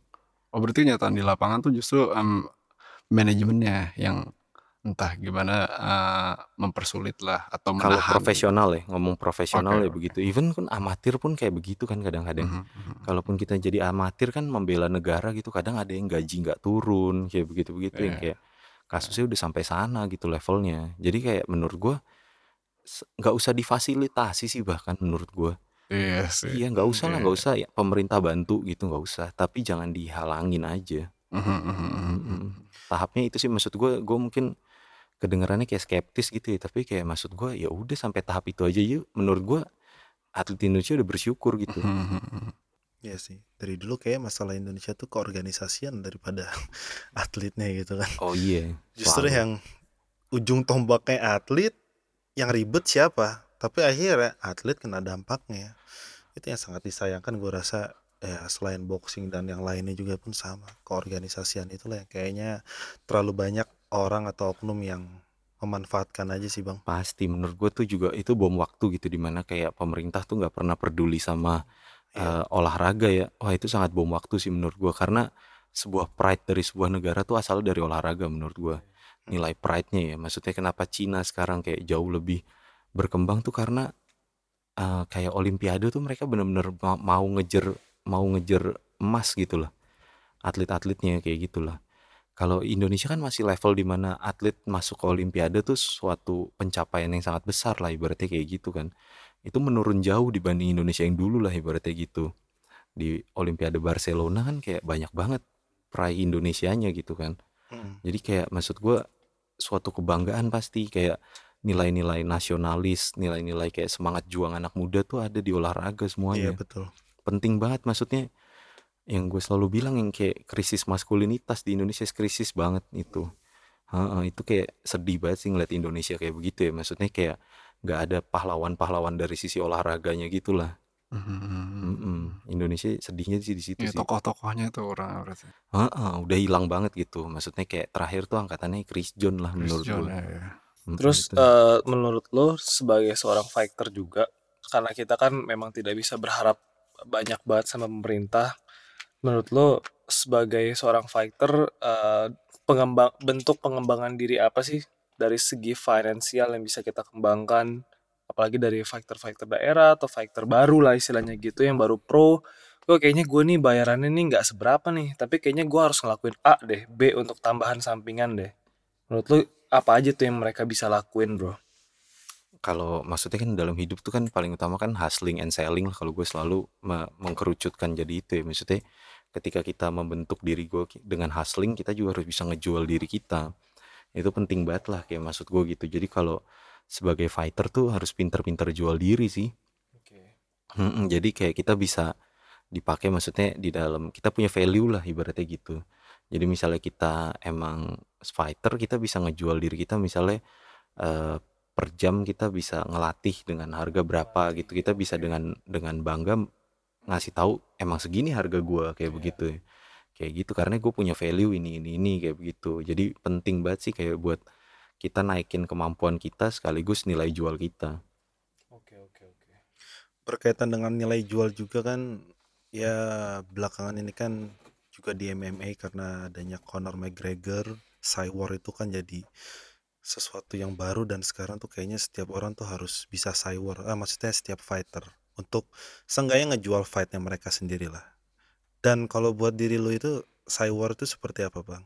Apakah lu perlu yang untuk Cywar ke lawan lu kah sebelum fight? Atau lu lebih yang ya biasa aja lah? Hmm, kalau gue sih yang penting yang eh Cywar tuh pada akhirnya tujuan utamanya adalah pas kita tanding banyak yang nonton. Iya betul. Intinya cuman itu sih kita ngejual Promosi. pertandingan kita. Ibaratnya kayak gitu kita mempromokan show kita selanjutnya kayak begitulah. Mhm. Kalau show kita nggak ada promo, nggak ada storyline itu kan nggak ada gunanya. Mm. Gitu lah maksudnya paling utama tuh kan kenapa WWE atau pro wrestling Puroresu tuh sangat terkenal tuh karena sebenarnya storyline yang dijual. Mm. Mhm. Orang sebenarnya kurang peduli pas pertandingannya ya. Mhm. Ya gitulah. Even pas pertandingannya pun ada storyline kalau si WWE ini. Mhm. Iya kan? Kayak maksudnya dia ada ceritanya di dalam tandingnya gitu loh. Kayak maksudnya uh, entrance-nya dia menarik kayak begitu terus kayak cerita-cerita mereka musuhan di luar ringnya sampai di atas ring diselesain di atas ring gitu. Nah, itu yang maksudnya penting buat dijual sebenarnya dibanding kayak cuman sekedar fight tuh maksudnya orang nggak akan ada yang nonton. Mhm. Mm-mm, karena apalagi khususnya MMA ya, MMA di Indonesia ya. Orang masih belum bisa mengapresiasi mengapresiasi ground fight ya. Rata-rata Oh, kan iya. begitu ya. Kayak misalnya nonton fighter MMA terus di ground, terus di groundnya juga belum menarik, belum slick gitu kan kayak mainnya yang lama di side control atau di mount kayak gitu nggak Mm. jelas dua-duanya. Mhm. Itu kan nggak terlalu menarik ya buat orang Indonesia. Gimana menikmatinya juga gue paham lah maksudnya Mhm. nggak menarik buat dinikmatin. Cuman kalau emang dari awalnya udah bacot-bacotan atau gimana gimana kita lebih into tiba-tiba. Iya, Mm-mm. ditunggu jadi ditunggu justru. gitu. Iya, sebenarnya kan Cywar kan dari masa ke masa ya. Maksudnya kalau kita bisa lihat dengan mata terbuka gitu, kenapa Muhammad Ali Muhammad bisa Ali, jadi sebagai uh, uh, fighter yang terkenal karena dia juga salah satunya bisa mempromokan fightnya dengan sangat baik ya. Mhm, mhm. Kayak gitu bukan sekedar fighter yang hebat doh juga maksudnya Benar, benar. dia kalah beberapa kali banyak maksudnya gitu loh kayak maksudnya berapa kali bisa kalah gitu tapi dia promo fightnya tuh hebat. Mhm. Soalnya emang kalau dia di media pun kadang cara dia ngomong tuh bener-bener puitis banget. Banget, Kan, banget, banget. Dia Itu jadi ciri khas gitu Mm-mm. kan. berarti kemampuan public speaking tuh sebenarnya untuk seorang fighter tuh penting ya Di semua profesi sih. Iya, semua betul. profesi public speaking penting Mhm. banget. Kalau lu lebih cenderung ke arah mana bang? Untuk eh, menarik orang-orang supaya pada saat lu fight, terus orang nonton gitu loh. Untuk menarik perhatian orang di luar sana tuh lu lebih pakai taktis yang gimana biasanya? Kalau gue sih, kalau gue gue nggak nggak nggak terlalu banyak kayak gimana ya, bikin-bikin gimmick-gimmick kayak begitu ya. Mm. Gue cuman tampil apa adanya terus being real aja sih, ngomong apa adanya. Cuman itu terus sih yang kalau kalau buat gue ya, kalau gue buat gue yang paling utama itu kayak gue nggak nggak buat karakter lain yang di luar diri gue gitulah. Mm. Eh, mungkin maksud gua efektif juga kayak buat karakter kayak Conor McGregor gitu dia buat bisa buat second character gitu kan. Mhm. Maksudnya kayak pas zaman dulu dia bisa kelakuannya bisa kayak ini banget lah, rese Hmm. banget kayak begitu kan kayak maksudnya itu kan dia bikin banget ya di luar dia nggak kayak begitu pada kenyataannya. Iya, iya. Dia orangnya humble juga pada di luar kan sangat humble lah Eh, ibaratnya waktu kayak gitu. TUF kan humble banget kayak omong orang optimis banget lah gitu. Dia Mm-mm. yakin aja gitu kan dia gue bakal menang nih gitu. Banget banget dan dia Hmm. Gue suka maksudnya fighter yang how dia bagaimana dia bereaksi terhadap kekalahan sih. Oke. Pas dia kalah sama Nate Diaz kan dia bagus dia bilang kayak ah gue udah biasa kalah kayak gue udah Mhm, biasa mhm. dalam hidup kalah kayak begitu tapi gue selalu tumbuh kembali lah ibaratnya selalu Iya. bounce back dari kekalahan kayak gitu ya itu emang mentalitas yang kayak pada akhirnya ternyata emang dia humble gitu orang Mhm, mhm, mhm. Nge-counter itunya bagus banget ya ngomongnya ya. Iya, gimana kan Hmm. kita kan penting banget tuh bagaimana kita bereaksi terhadap kegagalan itu kan penting Iya, banget itu iya. kemampuan yang udah di develop dari uh, maksudnya itu di develop berulang-ulang lah dalam hidup kayak begitu kan. Karena kan Mhm. dalam hidup kan rata-rata kita apa yang kita mau kan lebih banyak yang nggak dapetnya lah ibaratnya kayak gitu Benar, kan. benar, benar. benar. Mm-mm. Nah, kalau misalnya untuk Bang M sendiri sekarang sebagai seorang fighter, apa mimpinya sudah tercapai, Bang? Ah, kalau gue sih nggak punya mimpi yang terlalu, maksudnya gimana yang kayak gue selalu kayak step by step sih ngerasanya kayak gitu. Jadi kayak eh gue banyak mimpi-mimpi yang maksudnya nggak tercapai, terus gue ulang lagi jadi mimpi baru kayak begitulah kayak maksud gue. Jadi kalau dibilang tercapai sih mah nggak bakal tercapai sih sampai mati sih. Gak bakal tercapai ya. Mm-mm. Tapi kalau dibilang menuju, menuju ya, Bang. ya? Ya gue selalu punya pengen punya track gue sendiri aja. Ah, iya, oke. Dan ada kemungkinan lu mungkin di masa depan untuk eh, international fight keluar semacam itu, Bang? Sampai sekarang belum kepikiran tapi nggak menutup sih. Mm-mm. Mm-mm. nggak menutup kemungkinan buat international fight tapi masih belum kepikiran kalau sekarang Itu karena tadi sifat lu yang emang selalu pengen nge-challenge diri sendiri ya, Bang ya. Jadi pengen tahu sejauh apa sih ini selama ini iya pays off atau enggak. mm-mm. tapi kalau sampai saat ini sih gue masih berusaha buat di lokal sih ya karena gue ngeliat Mhm. industri lokalnya sendiri yang perlu berkembang menurut gue Hmm. Heeh, karena gue lebih tujuannya bukan lebih ke cari materi ya karena gue lebih fokus buat mengembangkan industri lokalnya sih menurut gue mhm, mhm. ekosistem di dalamnya dulu sih Hmm. Lalu juga di luar fighting sendiri ada apa bang kegiatan yang bisa eh, lu share untuk membangun masyarakat Indonesia untuk lebih sadar terhadap fighting atau MMA ada nggak kegiatan di luar itu mungkin yang masih berkaitan sama fight tapi nggak fight secara langsung gitu? Eh, gimana tuh ya maksudnya? Kayak misalnya lu coba untuk promokan apa sesuatu atau dengan eh, di sosial media atau apa bikin orang tuh ada awareness gitu bang Iya, sebenarnya kayak gimana ya? Hmm, susah juga sih kalau di Indonesia ya, karena secara sejarah tuh sebenarnya Indos- i- Indonesia tuh menarik banget olahraga combat sportnya ya. Mhm. Ku- Specifically di tinju ya kalau menurut gue ya. Indonesia tuh pernah menjadi apa ya jawara Asia gitulah. Tinjunya ada era di mana kita sangat-sangat disegani petinju-petinju Indonesia ya. Kalau kita nonton kayak gelar tinju Indosiar dulu atau RCTI itu itu kayak kita nonton pertandingan tinju kelas dunia dulu bener-bener jago banget. Kayak maksudnya dulu tuh kayak eh, Indosiar sampai saking maksudnya juara Indonesianya tuh jago tuh di mereka sampai nantang seluruh Asia gitulah juara Asia. Hmm. jadi kayak misalnya juaranya Filipina disuruh tanding di Indonesia atau enggak juaranya Thailand suruh tanding di Indonesia wah itu jauh banget levelnya Indonesia kayak sangat merajai itu makanya kayak Mhm. even juara Asia tuh kayak kacang goreng lah di Indonesia banyak banget Mhm. juara dunia kita punya empat juara dunia di Indonesia cuman itu kayak nggak terekam sejarah gitulah kayak gitu jadi kayak Hmm. ada fase Indonesia tuh kayak sempat mati di dalam olahraga olahraga gitulah olahraga combat sport olahraga profesional khususnya ya olahraga Hmm. profesional kalau olahraga amatir tuh kan di ini sama pemerintah ya cuman Hmm. olahraga profesional secara mengentertain masyarakat tuh sempat mati memang jadi kayak gimana ya susah sih buat ngembangin olahraga profesional di Indonesia ya Hmm. Iya sih, betul.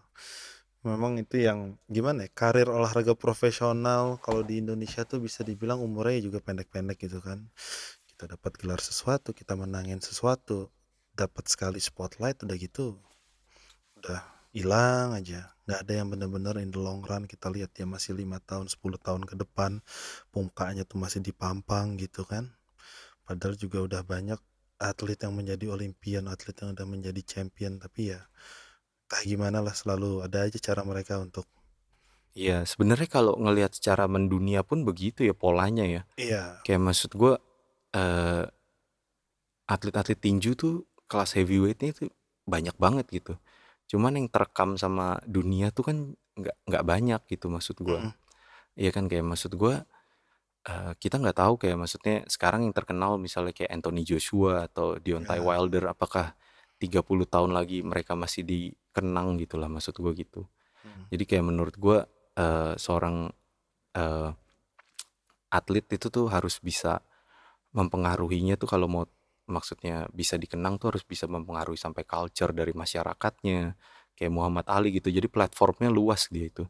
Dia kayak bukan sekedar sebagai atlet ya tapi dia juga filosofer terus habis itu juga seorang eh, apa polit politik ya. Gitu dia dia kan kayak maksudnya ada pergerakan politiknya juga terus maksudnya dia simbol agama juga kayak begitu. Jadi platformnya lebih luas ya kayak Muhammad Ali gitu. Iya sih. Mm-mm. Iya, gue ngeliatnya juga emang kita tuh nggak bisa lo fighter seorang tuh emang nggak bisa mengembangkan sendiri sih. Emang harus ada gabungan unsur pemerintah sama swasta kayak gitu juga sih. Gue ngeliatnya kayak misalnya Michael Jordan. Michael Jordan tuh kalau nggak salah dibentuk kan karakter Michael Jordan tuh yang untuk mempromosikan si basket itu Sam. Even katanya kalau gue tanya-tanya sama anak basketball tuh Michael Jordan tuh di belakang tuh kayaknya eh, sifatnya agak kurang Sam kayak misalnya dia suka ngebully temennya. Kayak ada tuh dibuat dibuat beberapa referensi filmnya tuh. Hmm. tapi itu dibuat Michael Jordan tuh menjadi satu ikon. Nah balik lagi ke Indonesia kayak kita tuh butuh emang butuh satu ikon yang benar-benar dipromosin ke tiap daerah kayak gitu kayak gitu sih. Dan itu secara kesinambungan terus-terusan biar mesinnya jalan dulu nih ekonominya si fighter. Iya, jadi Mm-mm. kerjasama antara juga kasarnya eh, swasta dan pemerintah yang sama-sama tanggung jawab gitu Iya, kan. kayak kayak untuk- misalnya tuh kalau di One Pride tuh eh, JK Saragi ya nggak salah yang benar-benar didukung sama si pemerintah daerahnya tuh kalau nggak salah ya, Hmm. kalau nggak salah ya, itu kan bagus banget gitu loh. Hmm. Cuma kayak eh, andaikan semua daerah-daerah gitu kayak gitu gitu istilahnya, itu kan mesin ekonominya kan jalan banget tuh untuk Iya. MMA. sebenarnya kan bagaimanapun yang paling utama kan ini mungkin kayak gimana ya eh, prinsip ekonomi lah maksudnya niche marketnya itu kan yang harus dikuasain sebenarnya gitu lah. Mhm. kayak makanya gue bilang kayak national hero terus local hero tuh penting maksud gue gitu untuk ngebangun karakter di mana dia tinggal dulu. Itu yang sebenarnya terjadi juga di Amerika seperti itu kan. Kayak mereka juara nasionalnya pun udah terkenal juara Mhm. nasional tinjunya terkenal pasti.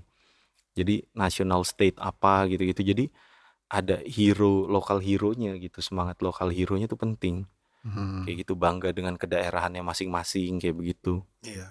Mm-mm. nah di Indonesia nih maksudnya secara olahraga kurang dalam hal ini Tapi yang gue juga kaget waktu itu kan Jordan Burroughs itu kan sempat diundang ke Joe Rogan kan. Dan dia bilang kalau misal Sorry, Jordan Borov siapa sih? Jordan Burroughs itu freestyle wrestler Oh, oke. kelas 77 ya. Hmm. Ya pokoknya ya itu one of the most inilah decorated wrestler in in the USA juga dan di dunia juga. Tapi dia bilang adalah bahwa even kom, eh, tim Olimpiknya US itu itu nggak state sponsor. Itu dari apa namanya? Kalau kita bilang sumbangan itu charity Charity. dan sebagainya. Itu nggak state sponsor itu. Dan gue juga rada ironis banget sih negara segede US gitu loh. Makanya mereka juga ada keirian di negara-negara kayak Cina dan Rusia di mana semua itu juga state fully state sponsored gitu loh. Bahkan juga ada yang bilang state sponsored doping. Bahkan yang sampai sejauh Iya, iya, itu iya. negara itu mempercayakan atletnya untuk berkembang dan berkompetisi sehingga membawa nama baik negaranya gitu. Terus kalau kayak gitu dia private funding. Private funding Oh, ya. Oke oke. Oh. Itu di US. Jadi kayak nyumbang kayak kitabisa.com gitu misalnya gitu. Ya mungkin nggak bikin Ya gitu semacam kan. kayak Kayak gitu Foxcatcher ya. gitu. Iya, Fox- Nah, ah ya, iya Fox betul. Catcher betul kan. Mhm. Kalau di Indonesia tuh sistemnya mungkin mirip kayak jarum sama bulu tangkis lah. Ah, Mhm. Jadi jarum tuh mengembangkan ekosistem bulu tangkisnya di Indonesia, industri uh, bulu tangkisnya di Indonesia tuh dari jarum bukan dari pemerintah. Iya, Hmm, betul. Oke Mm-mm, oke. kayak begitu. Jadi ada swasta, satu swasta yang memang pengen bekerja buat inilah, buat olahraga ini kayak begitu. Itu kenapa Hmm. kalau enggak sih mah, gue rasa mati lah. Iya. Nggak bakal ada lah apa bulu tangkis Indonesia sampai Mhm. sekarang gitu. Iya, gue kebayang Mhm. juga itu satu perusahaan ya bisa Iya. ngidupin satu olahraga loh Sam. Betul. Dan itu perusahaan gila. rokok. peran swasta itu penting. Galau, galau makanya kan. Iya, Karena ironis kalau- ya. kalau- Iya. Ironis banget sih. Memang selalu begitu sih, selalu ironis sih ya. Maksud gue kayak gimana ya negara-negara kayak eh, negaranya Khabib gitu kan. Mhm. Kan emang Dagestan. Dagestan. Dagestan katanya mau sponsor itu kan teroris atau bagaimana gitu maksudnya dari secara Tanah apa, konflik gitu. Iya kan maksudnya gitu. Kayak gitulah. Memang ya ya sudah nggak apa-apa lah. Kayak maksud gue setiap setiap setiap negara tuh punya ininya masing-masing lah permasalahan dan keunikannya masing-masing gitu. Cuman Iya. jangan pernah nutup mata terhadap itu aja sih. Mhm, Kayak mhm, gitu mhm. kayak maksudnya di Indonesia kita harus bisa lihat permasalahannya itu di mana gitu. Kayak gitu. Tapi kalau memang jalan keluarnya dengan cara bulu tangkis disponsori oleh rokok kan ya mau bagaimana? Iya, nggak salah Iya, juga gitu. itu Mm-mm. yang bikin kejadian. Hmm, Iya benar. Cuman kalau nggak berkembang itu sih yang menurut gue jauh lebih menyedihkan gitu lah. Betul juga sih. Nggak ada jalan. Ya jadi memang kalau dari contoh daerahnya Habib itu kan Dagestan, terus dia tetangga sebelahnya itu Chechnya, emang tuh sedikit unik gitu loh. Pergolakan antara Rusia dan eh Chechnya itu kan udah sampai perang dua kali dan sebagainya. Justru di sana itu eh, wrestling dan sebagainya itu sengaja dibangun untuk controlling the masses. Jadi supaya ini nggak jadi pertikaian lagi antara Rusia dan mereka gitu. Karena mereka Mhm. selalu nyoba untuk merdeka. Jadi Mhm. mereka meredam itu dengan adanya olahraga dan keatletikan dibangun di sana. Cara Mhm. meredamnya begitu. Mhm. Gitu. Tuh gue bilang tuh keren banget itu. Iya, karena suatu negara yang masih berkembang, berkembang dengan olahraga menurut gue. Mhm. Mhm. Percaya, makanya Soekarno dari dulu kan berusaha untuk itu olahraga yang dikedepankan sama dia. Makanya salah satu apa sih maksudnya tempat olahraga di dunia tuh kayak ada yang namanya Camp Nou atau apa gitu, Old Hmm. Trafford gitu kan. Cuman tuh kayak GBK tuh menurut gue satu nama yang menurut gue ikonik banget ya. Ada kata Gelora gitu, maksudnya kayak Gelora Bung Karno gitu. Itu kayak menurut gue salah satu tempat olahraga yang dengan nama terbaik lah di seluruh dunia kayak maksud gue gitu loh kayak itu kayak semangatnya Bung Karno yang kayak masih ada sampai sekarang gitu. Mhm. Karena menurut gue negara yang memang mau maju tuh harus maju dengan olahraga. Mhm. Karena masih apa ya? Masih bisa dibilang belum civilized lah negaranya gitu kan. Masih menggunakan otot banget gitu. Nah ya udah, maksudnya disalurkan lewat olahraga menurut gue. Gitu. Mm-mm. Karena kapan lagi sih lagu Indonesia Raya tuh bisa di dinyanyiin di negara lain gitu. Mhm. Chris John tuh pernah lo ngebawa uh, lagu Indonesia Raya ke Madison Square Garden gitu. Mhm. Kayak maksud gue cuman apresiasi dari masyarakat tuh nggak ada gitu. So karena lagu uh, apa sih lagu national anthem tuh akan dinyanyikan tuh pada saat apa sebuah eh apa sih hmm, uh, presiden datang ke sebuah negara atau atlet datang ke sebuah negara. Mhm. Cuman itu pilihannya kayak gitulah. Gak mungkin kan artis misalnya Atta Halilintar datang ke Amerika terus di setelin Indonesia Raya gitu kan kayak nggak mungkin. Kayak, Iya, iya. Iya, cuman atlet kalau atlet datang ke negara lain pasti disetel lagu Indonesia Raya gitu. Iya Jadi kalau mau berkembang ya harus berkembang lewat olahraga menurut gue. Sepenting itu olahraga, cuman negara terlalu mengabaikan itu menurut gue. Mm-mm. Jati diri sebuah bangsa ya bang ya. Iya, Bisa dibilang identitas lah. Cina, Rusia, Amerika, maksudnya mereka berkejar-kejaran gitu dalam hal kayak misalnya Olimpiade gitu, sampai Inggris gitu-gitu kayak semua tuh harga dirinya ada di situ memang. Iya. Dan juga yang menarik bang, mungkin bisa dijelasin sedikit. Ini soal sasana tinju baku belah ini apa tuh bang? Hmm, ya ini sih mungkin salah satu kontribusi gue buat ngembangin industri tinju di Indonesia sih. Mhm. Kayak gue berharap bener-bener kayak memang di industri yang bisa gue majuin ya menurut gue tinju di Indonesia. Gitu. Jadi eh, lebih ke arah gue mengembangkan yang udah pernah dulu ada lah di Indonesia tapi sempat hilang kayak gitu. Jadi baku belah ini khusus tinju aja. ya? Khusus tinju aja. Itu salah satu kayak untuk memperkenalkan tinju ke eh, ke masyarakat luas lah gitu juga. Termasuk juga pengen bisa ngembangin atletnya dan secara industri secara menyeluruh sih. Jadi ini khusus untuk uh, untuk uh, open member, member dari semua orang yang ingin jadi atlet apa orang yang bisa tidak ingin jadi atlet juga bisa. Kasual. Semuanya, semuanya. Jadi orang yang pengen mau jadi atlet kita bisa fasilitasin. Kalau yang emang cuma pengen olahraga dan kenal ngerasain bagaimana olahraga tinju itu kita jadi level of involvementnya kita bisa atur ya. Hmm, Jadi kayak orang yang cuman pengen latihan doang atau enggak pengen ngerti seninya Mhm. atau enggak yang emang hmm, pengen belajar sparring juga atau enggak yang pengen jadi atlet semua bisa di sini. Tapi kita spesifiknya tinju. Oke. Mm-mm. Ya, berarti nggak cuma sekedar ini dari pengembangan atlet, manajemen gimana bang? Bisa juga kira-kira bang? Rencananya nanti ke sana ya, tapi kan kita pengennya bertahap ya. Oke. gitu karena karena kalau langsung tiba-tiba lompat ke manajemen menurut gue kayak agak eh, sulit karena pertandingannya juga belum banyak di Indonesia gitu kan Mhm. kayak gitu jadi kayak mending kita fokus ngebangunnya dulu gitu loh Jadi lu bakal juga mungkin ke depannya nggak nutup kemungkinan dengan hosting banyaknya pertandingan-pertandingan amatir dan sebagainya. iya jadi pokoknya apa pun yang bisa memajukan industri tinju sih Tinju ya. di Indonesia Mhm. heeh. Ya karena balik tadi jangan sampai talent pun juga cuma talent ya kan, harus dia realisasiin. iya gimana kita bisa ngebangun sosial medianya juga terus karakternya dia ketika bertanding kayak kita bisa sesuaikan gitu Hmm, oke oke.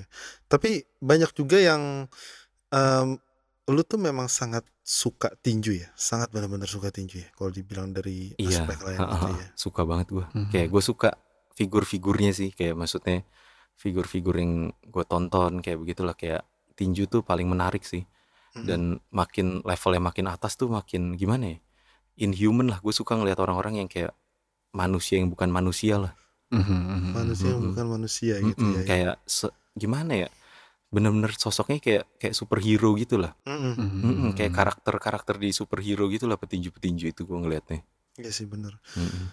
Apa ya bener maskulinitas kali ya, bisa dibilang seperti itu ya yang. Iya, iya. Yang- Kayak menurut gua gimana ya? Iya, Mak. Ya mereka kayak bertukar jiwa gitu di atas ring gitu lah. Oke. Heeh, kayak saling mau cabut satu sama lain gitu kan. Kayak gitu kayak kadang tuh kayak gimana ya ngelihat momen-momen ikonik-ikonik di tinju tuh kayak wah itu kayak karya-karya seni banget lah. Bener. Mm-mm. Jadi best boxing fight menurut lo apa bang? Yang selama ini eh, lu lihat? Ya Fight masih favorit masih itu sih Arturo Gatti sama Arturo Mickey Ward. Itu tahun? Mm, trilogi ya. Tahun berapa dia? 2000-an lah. Ah. Gue banyak sih ada, ya, tapi dia terbaik sih ya. Itu kan kayak fight terbaik di tinju menurut gue ya. Tril- trilogi mereka. Hmm. Terus uh, Barrera Morales 1 2 3 itu juga bagus menurut gue. Hmm, oke benar. ya. Mm-mm. Jadi ya kalau di luar emang beda gitu sih bang, ya udah sampai ke pop culture mereka sendiri ya untuk Iya, itu kayak gimana ya? Kayak maksudnya bisa gitu Mike Tyson ketika tanding tuh satu Amerika bisa tutup gitu lah buat nonton dia tanding. Hmm, Hmm, sebuah hmm. kegiatan di perkantoran atau semua itu benar-benar bisa berhenti gitu ketika Mike Tyson tanding pada masanya bener-bener kayak gitu. dobrakan ya. Iya, terus kayak maksudnya kalau gue paling suka mungkin boxer tuh Roberto Duran ya. oh iya Dia Roberto bisa Duran. Bertanding antara negara ketemu negara gitu.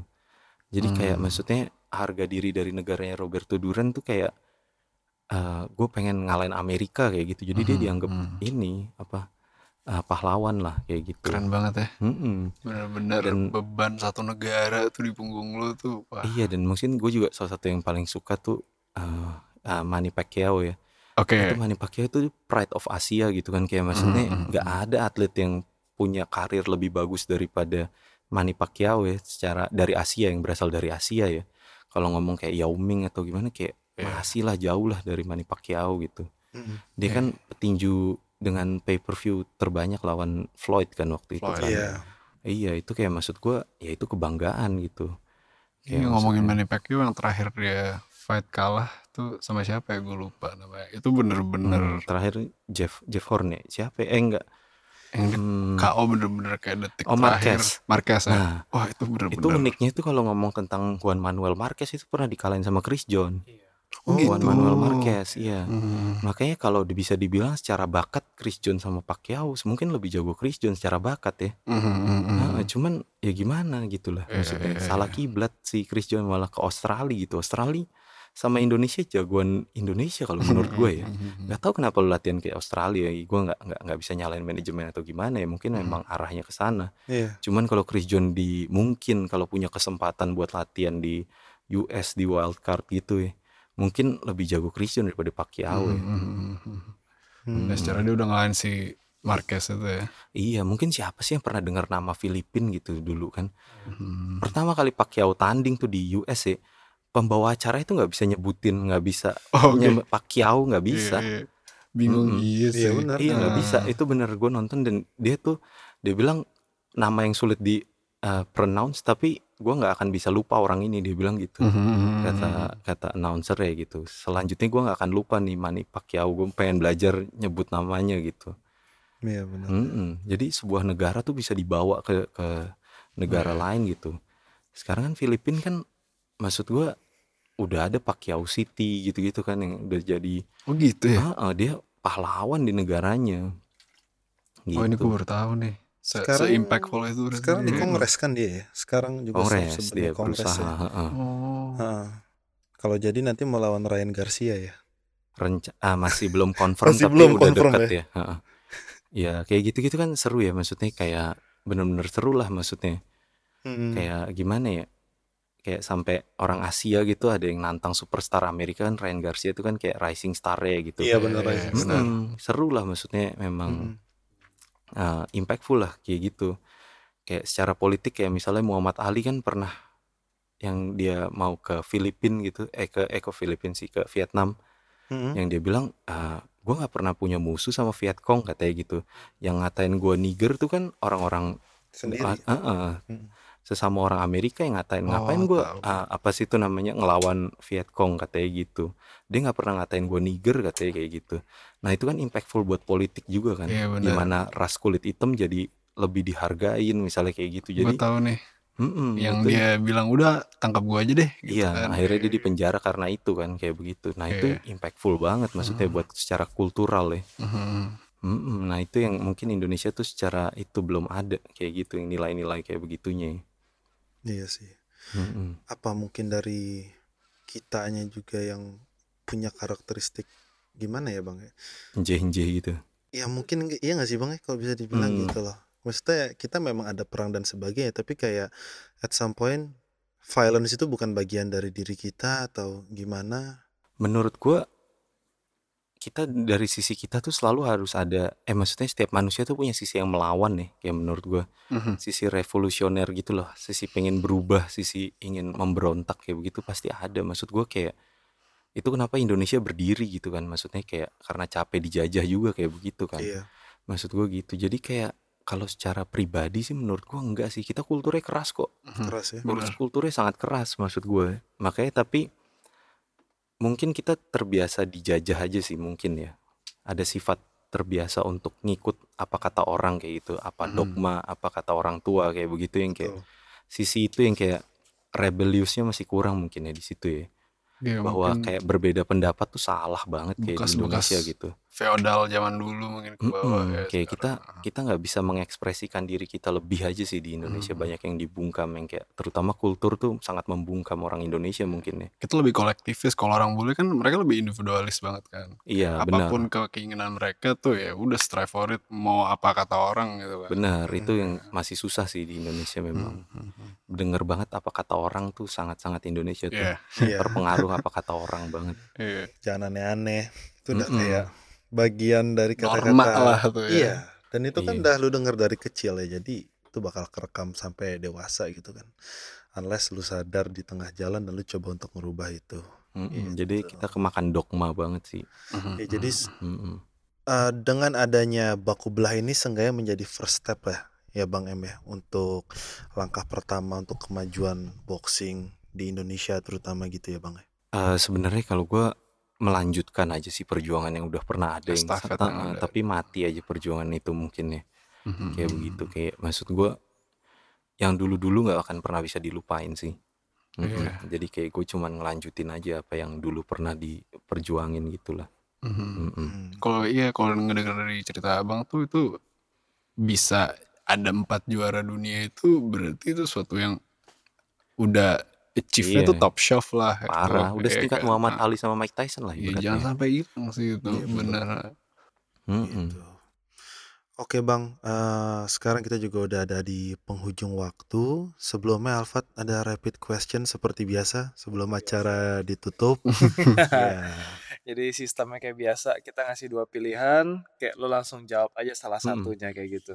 Oh siap siap. Oke, yang pertama, triangle choke atau ambar? Ah gue triangle. Ah, Triangle. Wrestling atau BJJ? BJJ. Hook atau uppercut? Ah, uppercut sih. Oke, Pacquiao atau Floyd? Ah Pacquiao. Oke, UFC or Pride? Ah Pride FC. Oke, single leg takedown atau double leg takedown? Ah single. Single. Oke, kickboxing atau Muay Thai? Kickboxing. Oke. Kena tenang di biji atau kecolok mata? Hmm, di biji lah. Jangan kena di biji. Iyalah kalau mata aja. Oktagon apa hexagon? Ah sa- sama aja sih. Sama aja. Oktagon, ah. Oktagon. Oke, terakhir. Ahong apa Theo? Theo lah. Theo. Oke. Thank you, thank you, thank you, thank you, thank you, thank you. Thank you. Oke Thank you bang, Bang. eh, ada yang mau di share bang ke orang di luar sana? Anything, abang kalau misalnya mau ngomong sesuatu atau suatu pesan untuk pendengar podcast kita, ada yang mau disampaikan bang? Ya kalau ada waktu nonton-nonton lah MMA Indonesia atau Combat Sport Indonesia gitu. Iya. Jadi jangan apa cari cari yang hiburan yang lagi berkembang di Indonesia lah kayak begitu. Kayak maksudnya kalau ada waktu kosong apa gimana gitu-gitu nonton-nonton lah. Kayak gitu ya. Kayak gimana ya? At least eh, jadi bisa lebih mengenal inilah atlet-atlet Indonesia lah Mhm. kayak gitu khususnya yang profesional ya gitu. Karena industri profesional Indonesia masih jauh banget dari maju lah industri uh, olahraga profesional ya. Iya. kayak begitu. Jadi mungkin kalau biasanya suka nonton bola luar negeri gitu kayak coba cari apa tuh namanya bola-bola yang di Indonesia kayak gitu. Hmm. atau enggak basket di Indonesia gitu-gitu. Coba cari apa pun olahraganya tapi coba cari yang lokal lah. Kalau Mhm. emang lu suka bola cari lokal bola basket bola atau enggak MMA eh, lokal kayak gitu Mhm. Oke, oke, Bang M, Bang Andika Mamesa, sekali lagi saya ucapkan terima kasih yang sebanyak-banyaknya untuk bersedia thank you udah diundang ngobrol. nih Iya, Sama-sama, sama-sama, Bang. Untuk ngobrol di podcast ini, semoga kita masih bisa ketemu ke depan-depannya amin dan yang terbaik untuk karir Abang sebagai Sama-sama. fighter. Semoga MMA juga industrinya di Indonesia akan jauh lebih maju dan. Abang juga Amin, tentunya juga semakin dekat ke sabuk ya, Bang ya. Amin Sukses Oke. dengan mimpinya sama Baku Belah. siap thank you thank you banget Oke, terima kasih, Bang. Thank you. Thank you. Oke, thank you.